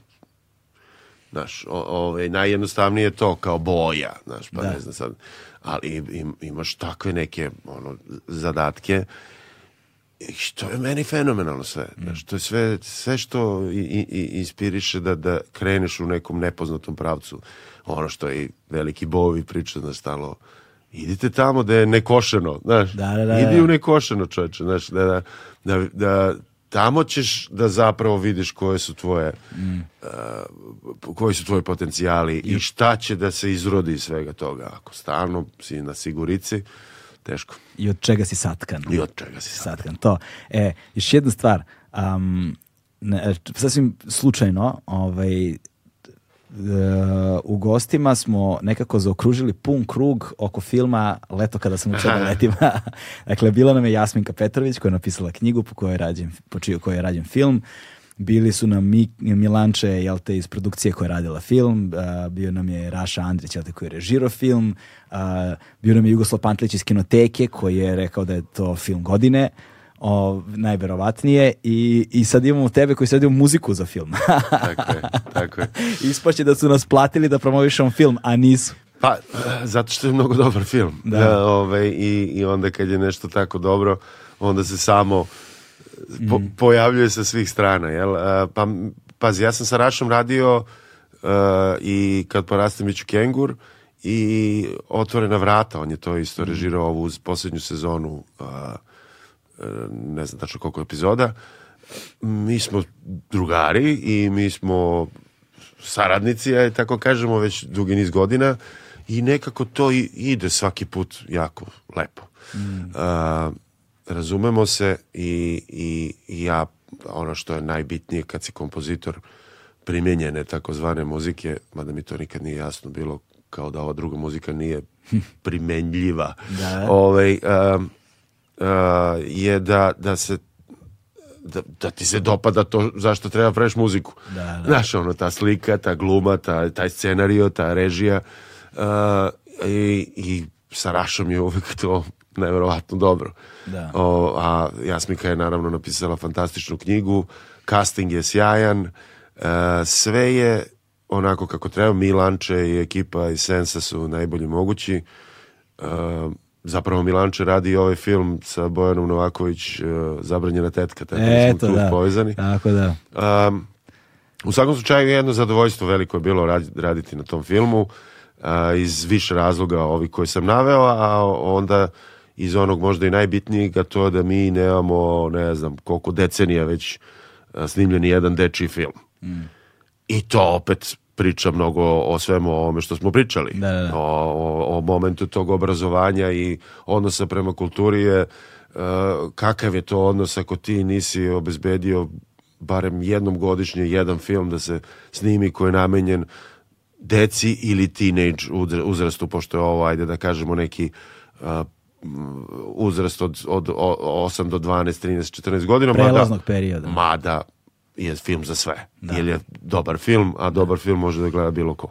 A, tako da, da to je jedna od, od ključnih stvari zašto je ovaj film važan, a onda naravno je važan i, i, i zbog načina na koji je pravljen i, i zbog poruke koju nosi, a a, mnoge su poruke sada da ne pričamo mm. o tome koje su, koje su i tekako o, duboke i pametne i zdrave a, a u sve to je i sjajan zabavan film tako da, Da. mislim ono stvarno nema, nema greške E sad, onaj džezar u tebi, jel te, koji jesi, a, kada dobije da radi muziku za film, na šta je prvo na što odsviram jedan solo preko celog filma da se smirim Stvarno, ne ali to bi bilo zanimljivo čuti. nisam tako Bilo bi bolestan. zapravo dobro, e, šta, šta, šta bih volio da vidim. Projekcija filma gde ti sediš ispod platna i ceo film, ono... To je radio Miles Davis već. Da. Miles Davis je radio uh, legendarni film Liv za gubilište, Mm. gde je okupio francuske muzičare i, i pustili su mu film. I on je, ono, mood. Bilo je mood, ajmo taj mood. O, ove dve harmonije menjate, znači nema ništa kompleksno, ništa sada, ne znam, ne, sola ludila i njegova truba Mm. koja prodre i kad pogledaš sliku i to vidiš, gotovo. Filmska muzika je gotova, to je to. Hvala lepo, doviđenja, ali to je Miles Davis. Da, da. Ovaj, m, do duše ja do, na neki način tako i funkcionišem. Ovaj, mislim da svi zapravo kompozitori tako funkcionišu, pogledaju sliku, videš na šta ih to asocira, dok prebiraju po ovog puta raznim zvukovima na, na klavijaturi Da. jer taj, taj tehnološki napredak je u tom smislu i tekako zahvalan, da ja u jednom laptopu poput ovog Markovog ovaj, mogu da imam sve Da. i da ovaj, to implementiram u, u filmskoj muzici tako da ti zapravo nemaš pojma da je to sve rađeno u jednoj sobi, Da, da, da. da, koja nije čak i studio. Znaš ono, Da, da, da, da. Samo dobre slušalice i to je. Tako je. A, tako da, tako i funkcionišem. Znači, ja evo sad radim treću sezonu ove, serije Dug Moru, koju ovaj, a, radimo sa Monte Royal Pictures već evo, tri sezone, koja je, jeste malo i, i, i drugačija i specifična i gde malo i taj Twin Peaksovski moment može da se primeti još od Gorana Gajića koji je krenuo prvu sezonu da radi pa sad sve do ove treće. I gde sam ja odmah u startu imao neke ideje koje je Goran i tekako prihvatio melodije, pristup i tako dalje koji, koji je savršeno lego uz o, iako je moderna muzika u pitanju pa čak i elektronska u momentima divno je lego uz ambijent mora, stenja a, n- n- i, i svega toga što čini jednu prirodu crnogorskog primorja, razumeš? Tako da ideš instinktivno, ideš kao i u svemu ostalom, samo što sada radiš u kolaboraciji sa slikom, dijalogom, pričom, glumcima, jel? Umesto sa drugim muzičarima. Ali je interakcija vrlo slična. Ti ne, ne praviš background music. Nisi ti elevator music. Ne. Ti si jedan od učesnika. I ti svojim delovanjem možeš da promeniš neverovatno mnogo stvari.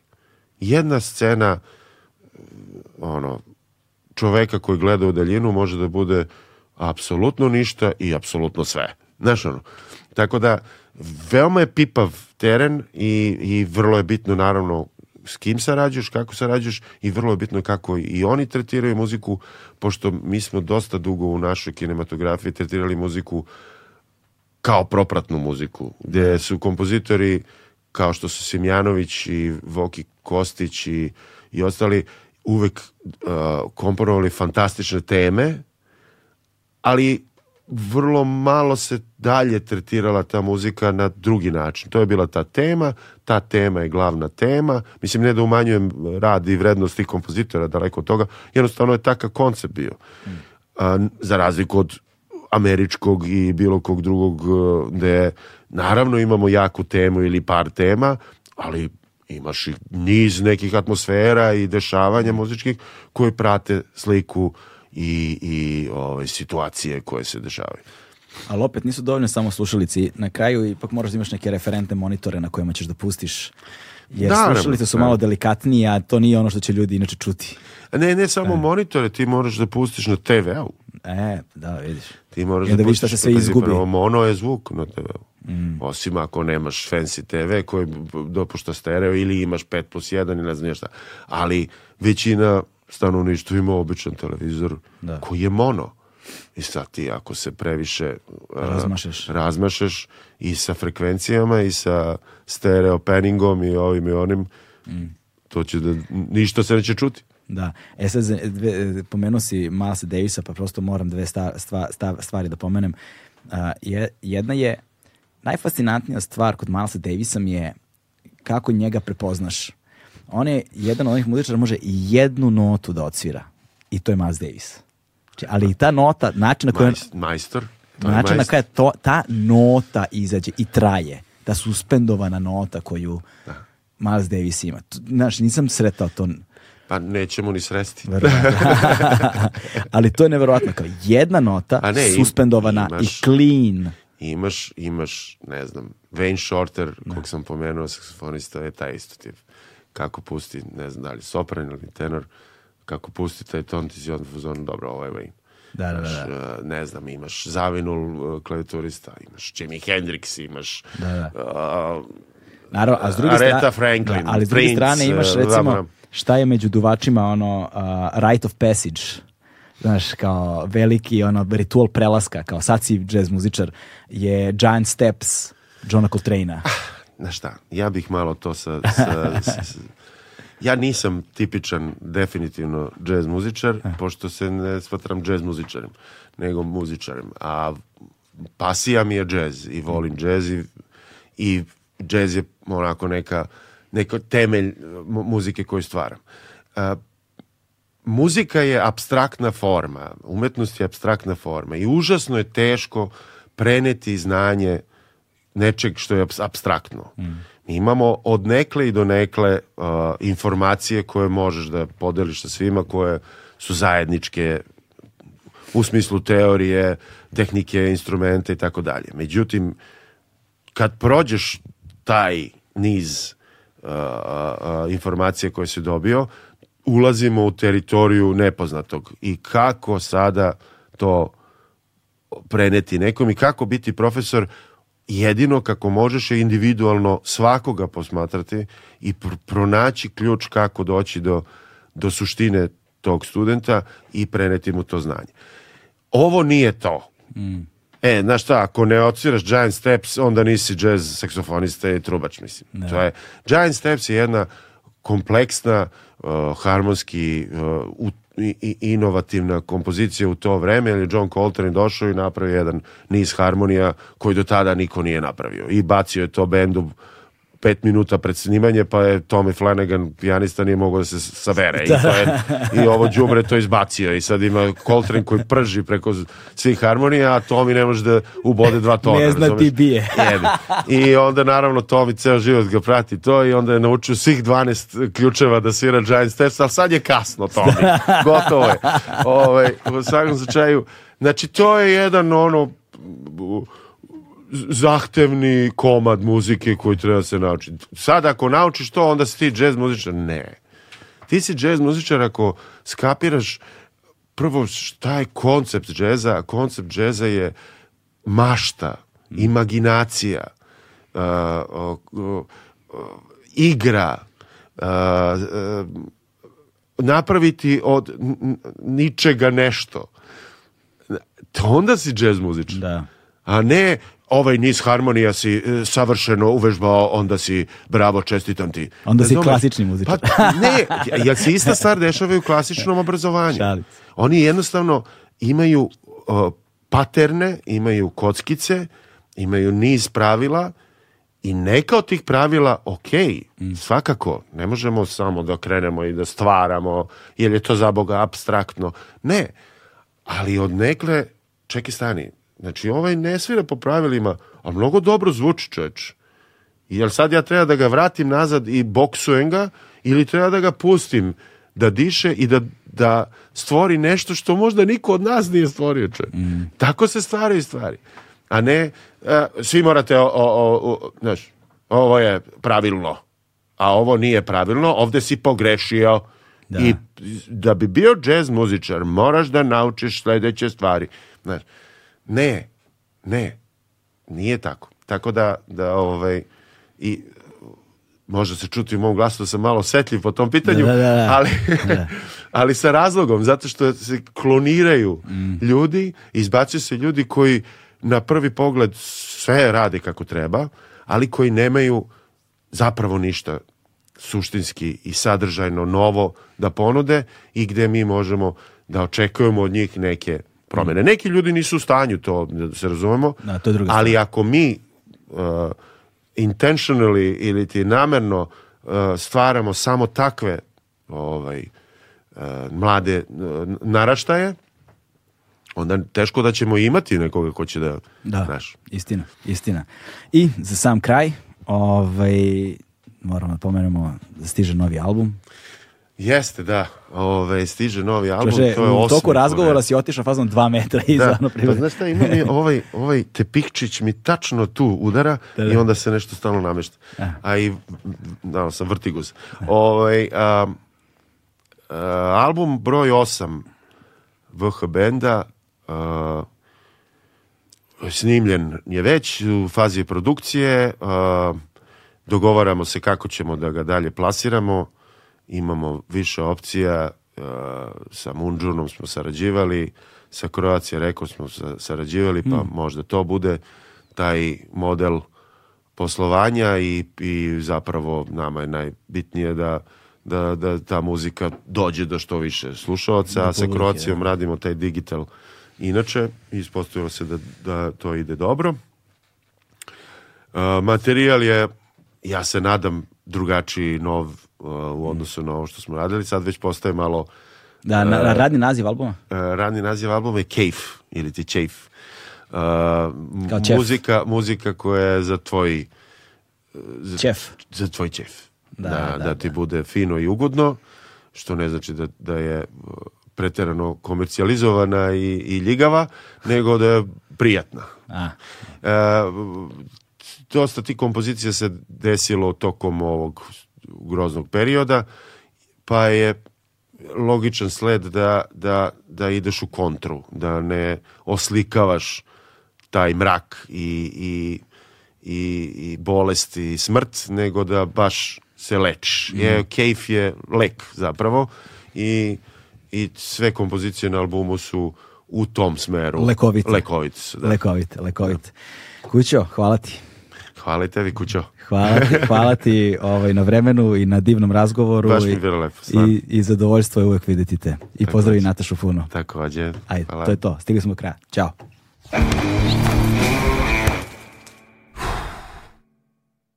Hmm.